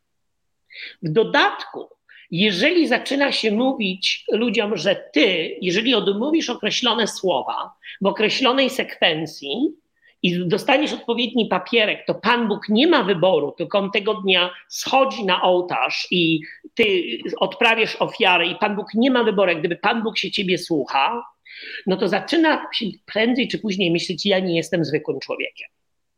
Ja nie jestem zwykłym człowiekiem. No i to ma pewne konsekwencje. Nie jestem zwykłym człowiekiem, więc pewne rzeczy mogę. Kolega mnie rozgrzeszy, kolega mnie zakryje. To nie jest tak, że protestanci są jacyś tacy bardziej święci, tylko po prostu u nas jest, szczególnie w Kościele Reformowanym, jest rotacja wiernych, bo też mieliśmy skandale seksualne, ale jest rotacja i jed, co najmniej połowę stanowią świeccy. I zazwyczaj jest tak, że nawet jak my jesteśmy w takiej bajce z i to się mnie też zdarzyło raz tam z duchownymi. A, chcemy byliśmy wspaniali, mieliśmy genialny problem i genialne rozwiązanie jakiegoś drobnego problemu i to przedstawiliśmy. I świecki na nas spojrzał i powiedział, co wy knocicie? Przecież to się nie będzie działało. I na samej zasadzie, jeżeli jest kontrola świeckich, jeżeli pastor nie jest osobą świętą, wyjątkową, tylko jest zwyczajnie wyznaczoną do nauczania i do sprawowania sakramentów, to y, zastanowię się parę razy, zanim pewne rzeczy zrobię. Y, I jest mniejsze pole do manewru, do tuszowania. Natomiast wydaje mi się, że to, y, i, i powiem tak, do, ja wiem, że papież Franciszek się stara, nawet Benedykt się starał, ja nie Pawle, nie wiem. Benedykt się starał, papież Franciszek się bardzo starał, ale tak, dopóki oni są sędziami we własnej sprawie, i jeden biskup ma rozliczać drugiego biskupa, ewentualnie to biskup nadzorczy, to nie będzie działało. To nie będzie działało. Oni muszą dopuścić świeckich, co więcej, muszą do tego dopuścić kobiety. Oni sami nie są w stanie, że tak powiem, siebie przeskoczyć. I to musi być rotacyjne, żeby znowu nie wytwarzała się taka atmosfera wzajemnego, yy, wzajemnej adoracji. I wydaje mi się, że, że stąd te problemy wyszły. Oni, w pewnym momencie cała masa mężczyzn uwierzyła, że jest ponad prawem. No a w Polsce wiemy, że są ponad prawem. No w Polsce wiemy, że jest prawo, no ale jest też prawo, jest sekret papieski, no i przecież nie mamy pana płaszcza, co mi pan zrobi, sekret papieski. No. No ale współczesne problemy z pedofilią to jest tylko mały wycinek mm, tragicznej, zbrodniczej historii Kościoła katolickiego. Więc pytanie jest bardziej ogólnej, historiozoficznej i teologicznej natury. Czy e, tragizm zbrodniczej historii Kościoła katolickiego nie jest dowodem fałszywości religii chrześcijańskiej. No przecież Bóg powinien swoich wspierać, a najwyraźniej e, no, nie sympatyzuje z Kościołem katolickim i nigdy nie sympatyzował, skoro jego historia to pomimo różnych chwalebnych tak. wyjątków jednak jest historia przemocy. No, wie pan, to taka słynna anegdota, kto Napoleon aresztował Piusa VII, chyba VII albo VIII i um, no Pius nie chciał zrobić to, co Napoleon mu kazał. No i Napoleon zaczął krzyczeć na niego, że on, go, on nie będzie nowego papieża i on ten kościół rozbije. I taki słynny dyplomata, kardynał Cezaryni powiedział, wasza cesarska mość, my duchowni próbujemy od dwóch tysięcy lat, życzę powodzenia. Ja bym powiedział tak, y, w naszej teologii, w teologii protestanckiej Kościół nigdy nie jest świętym. Kościół jest zgromadzeniem osób, które chcą żyć jak święci, ale nigdy nie jest święte. E, I moim zdaniem historia wskazuje wyraźnie, że Kościół nie jest święty. Natomiast jest coś takiego, więc to po pierwsze, więc moim zdaniem wszystkie te nasze, y, także protestanckie, żeby, żeby nie było, bo, bo nie chcę w tej chwili tylko walić y, kolegów rzymskich, chociaż jest sporo, ale nie chcę te, tego robić. Wszystkie te nasze słabości nie są dowodem na to, że na fałszywości religii, tej lub innej, e, bo religię wyznają ludzie, którzy są e, mm, ułomni. każdą religię i w każdej, każda religia ma coś za uszami. Tym niemniej, moim zdaniem, natomiast wskazuje na to, że powinniśmy być bardzo ostrożni. I znowu, bardzo ostrożni w tym, jak wyznajemy, jak żyjemy naszą religię, żeby nie skrzywdzić innych. Jest ta słynna wypowiedź Jezusa. Ona jest skierowana do duchownych. Że jeżeli przez was, któremuś z tych maluczkich, on niby mówi o dzieciach, ale to nie jest, to nie jest wcale jasne, spowodujecie zgorszenie których tych maluczkich, to lżej wam będzie, jak wam kamień młyński przy, yy, przywiązą do szyi. To jest ogromne ostrzeżenie do Jezusa. Ja się znowu śmieję z tego, jak mówię, że Jezus każe mi się tłumaczyć z niektórych tych moich kazań, ale czasami się zastanawiam, czy coś, co ja nie powiedziałem, nie skrzywdziło kogoś, albo nie doprowadziło, że podjął złą decyzję. I, i, i, i to jest ogromna odpowiedzialność. To, to, jest ogromna odpowiedzialność za słowo, za to, co ja przekazuję, bo nawet w kościele protestanckim, jak pastor wchodzi na ambonę, to nie jest, że Pan Bóg mówi, ale ja mam bliskie, ja mam prawie bezpośrednie połączenie z szefem. I jest taki ogromny szacunek do tego, co pastor mówi. Jest też tradycja, że, że czasami pastorzy no, knocą głupoty, trzeba sobie to powiedzieć. Knocimy głupoty jak mało kto. Ale yy, więc moim zdaniem to nie jest dowód na fałszywość założeń teologicznych, Natomiast jest to dowód na to, że nie możemy traktować duchownych, nawet tych najbardziej wierzących, nawet tych najbardziej sympatycznych, jako Pana Boga. Tylko Pan Bóg jest święty i musimy patrzeć na siebie i musimy patrzeć, jak wyznajemy tą naszą religię, czy ona kogoś nie krzywdzi, bo Pan Bóg, Pan Bóg nie stworzył bliźniego po to, żeby był dla nas workiem treningowym. E, a Biblia nie została stworzona do tego, żeby nią walić po głowie innych e, jak cepem przepraszam. A, a, a, do tego czasami to się sprowadza. No, jak słyszę te niektóre egzegezy, to w ogóle nie wiem, czy śmiać się, czy płakać. Biblia jest po to, Jezus mówi, że ja przyszedłem po to, żeby wszyscy, znowu nie chrześcijanie, żeby wszyscy mieli życie i mieli, i mieli tego, to, tego życia w obfitości. I Biblia to jest ta księga, która ma nam, to jest, to jest dobra księga, jak Amerykanie ładnie mówią, the good book. E, I y, Biblia hebrajska i y, Nowy Testament są po to, żeby nam dać żeby nam uzmysłowić, że ten Bóg Wszechmogący jest także Bogiem miłości. Jest taka jedna z moich ulubionych pieśni, jest na podstawie hebrajskiego Yidgal, uh, The God of Abraham Praise. I jedna jest taka zwrotka, która mówi, że y, y, nieskończony święty żyje ponad czasem, a jednak jest Bogiem miłości. I pomimo wszystko ta księga cały czas nas wzywa do nawrócenia, do, do, do, do korekty naszego życia szczególnie osoby religijne, bo my rzeczywiście bardzo dużo skrzywdziliśmy e, ludzi, krzywdzimy czasami ludzi non-stop. E, I, I znowu to jest, to jest ogromna odpowiedzialność, więc znowu pod tym względem wracamy trochę do sądu. Przynajmniej dla kleru będzie osoby, będzie korytarz i będzie nie kler, kler. I do kleru ja się śmieję, że będzie taka rampa w dół, gdzie zaczyna być cieplej, gdzie wygląda na to, że jest czerwono. I, i, y, Skoro już mówimy o kontekście mm, mm, miłości, e, mhm. to chciałbym jeszcze powrócić e, w ostatniej fazie naszej rozmowy do kluczowego problemu mm, ukrzyżowania i odkupienia i ofiary. O co to właściwie chodzi? Ja nie bardzo mogę zrozumieć, jak można sobie wyobrażać absolut jako osobę i to taką podobną do jakiegoś e, mściwego i zapiekłego e, e, człowieka, który e, nie potrafi przebaczyć, musi sam siebie niejako uspokajać i z siebie zrobić ostatecznie dla samego siebie ofiarę, bo nic go nie zadowoli, żadne błaganie i żadne przeprosiny za grzechy i no przecież to, to jest, no, przepraszam za słowo, ale to jest niepoważne.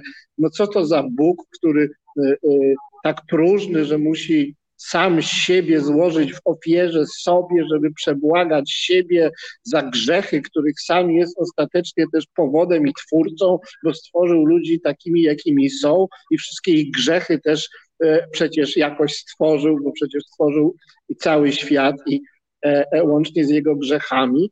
No przecież to wszystko jest dosyć przerażające i na końcu on sam siebie krzyżuje i, i, i, i to ukrzyżowanie jest najwyższym cierpieniem, ale przecież Bóg, nie, przecież Bóg sam może zejść z tego krzyża, kiedy chce, a cierpienie to jest tylko takie no na niby, no bo w końcu Bóg jest szczęśliwy i niezdolny do cierpienia, bo jest nieskończony i doskonały.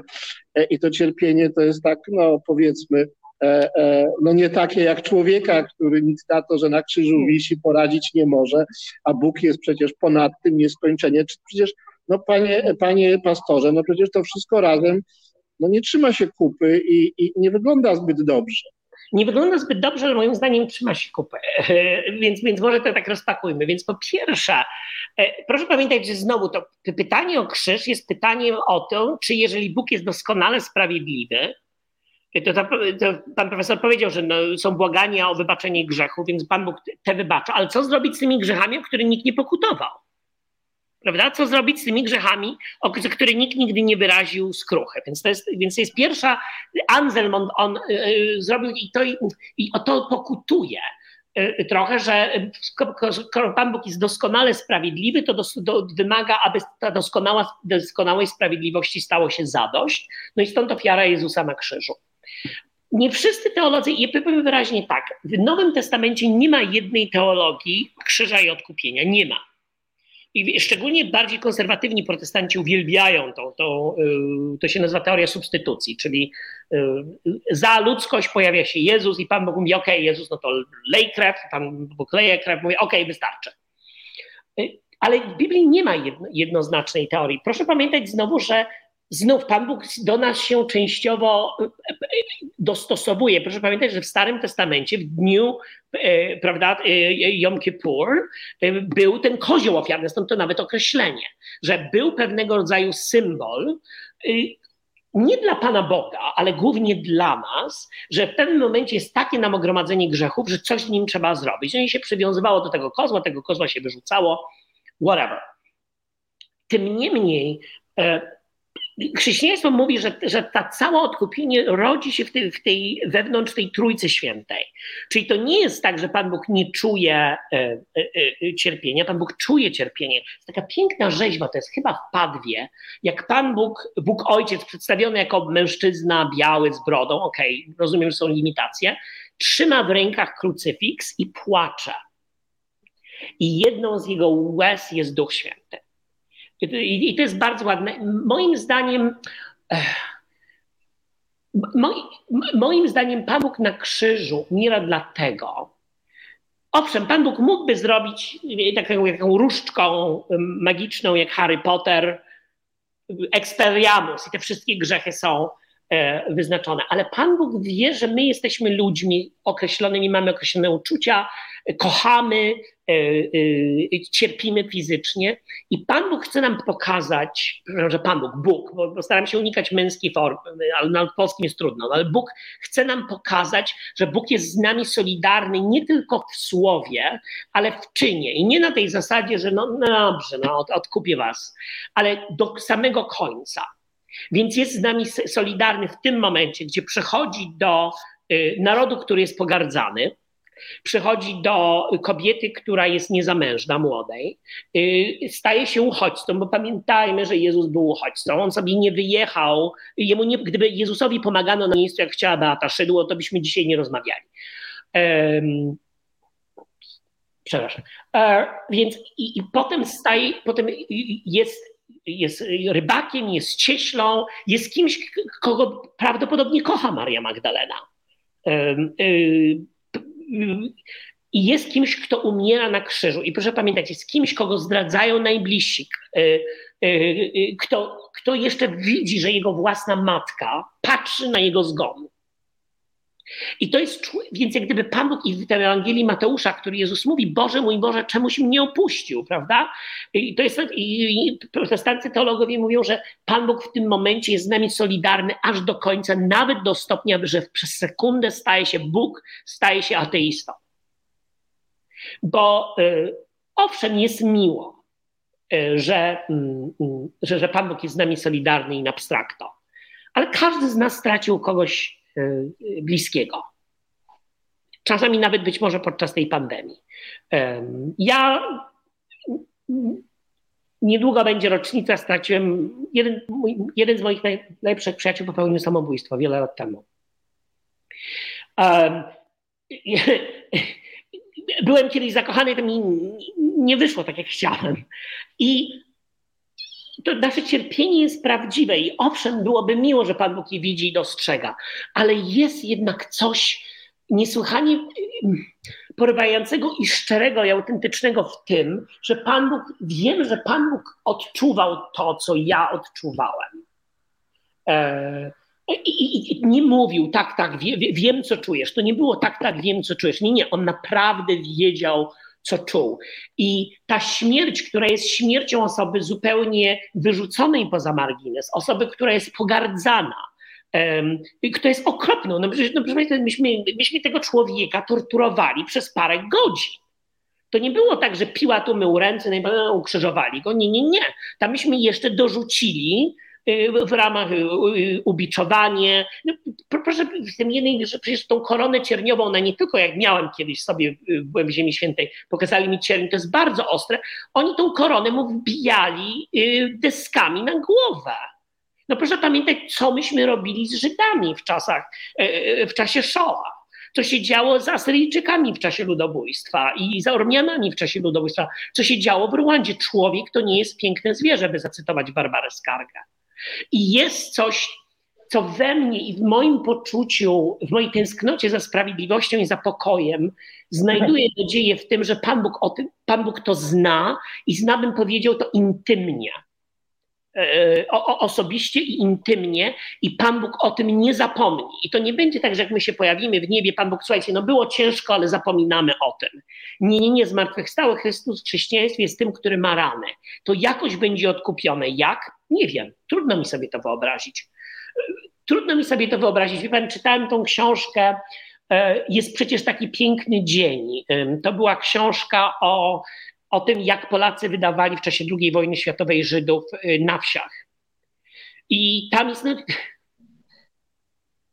jest taka straszna scena, gdzie złapali kobietę, młodą dziewczynę, w polu, już nikt ich nie widział.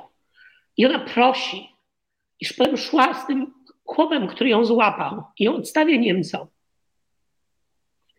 I prosi go, żeby ją puścił. Mówi, niech mi pan pozwoli żyć. Jest przecież taki piękny dzień. I, i co? I, i, I to ma, i ta sytuacja ma po prostu być tak sobie i nad tym ludzkość i wszechświat ma przyjść do porządku dziennego. W moim, w moim, przepraszam, że się wzruszę, ale, ale w moim odczuciu Bóg to wie, Bóg to ma w swojej dłoni i to jakoś odkupi. Nie wiem jak, nie wiem jak, ale ja w to wierzę, ja w to muszę wierzyć bo inaczej ta scena jest straszna. Ta scena jest straszna. I stąd ja, gdyby ja w to wierzę, jestem pełni nadziei za wszystkich. Mam nadzieję, że wszyscy się spotkamy. E, I, I, wierzę mimo wszystko, że Bóg jest wszechmocny, pomimo tych moich braków słów i że to się wszystko dzieje i tak dalej, i tak dalej. Także mm, to, to ma pewien elegancki sens.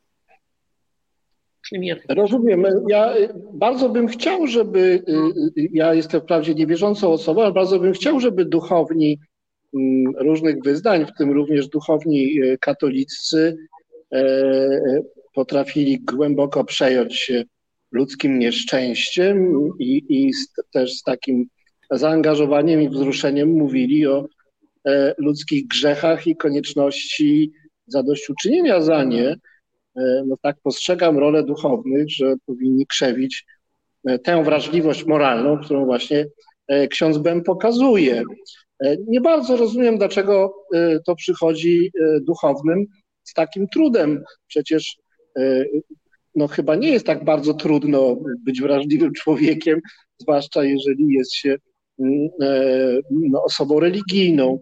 E, no ale to jest już jakaś taka psychologiczna tajemnica instytucji religijnych. Może w mniejszych, w mniejszych kongregacjach, w mniejszych kościołach może łatwiej jest utrzymać ten taki, tę taką właśnie wrażliwość i pewną pokorę i nie, nie, nie rośnie tam to, ta taka korporacyjna czy feudalna duma, która może znieczula jakoś i w pychę wbija e, duchownych. W każdym razie e, muszę powiedzieć, że rozumiem mm, swojego ojca i członków swojej rodziny, którzy przystąpili do kościoła ewangelicko-reformowanego. Oni zawsze mówili, że to jest jakiś taki najbardziej ludzki, przyjazny Żydom również kościół i że czują się dobrze z, z tym, że jeżeli już mają się ochrzcić i przyłączyć do wspólnoty chrześcijańskiej, polskiej, e, to właśnie tą drogą.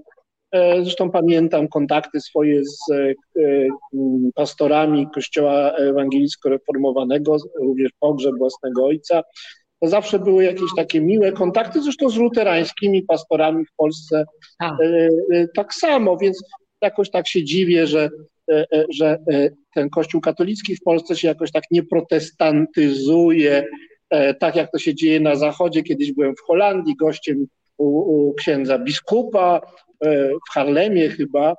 Domu przyjął mnie i tam paru kolegów i to była bardzo sympatyczna rozmowa i e, w ogóle nie było tego napuszenia jakiegoś i gniewu i, i tej wrogości.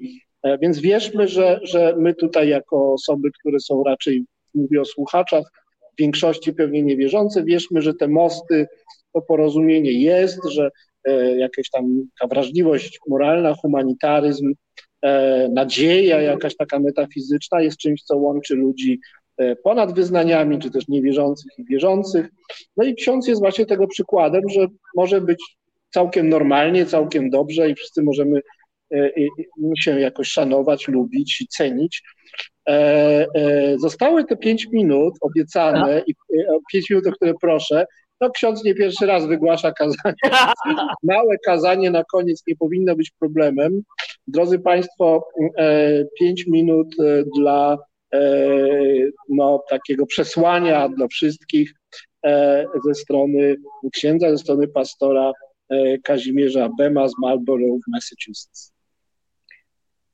Proszę Państwa, no, ponieważ jestem duchownym, to jednak zacznę od pisma i znowu zacznę od tej księgi powtórzonego prawa.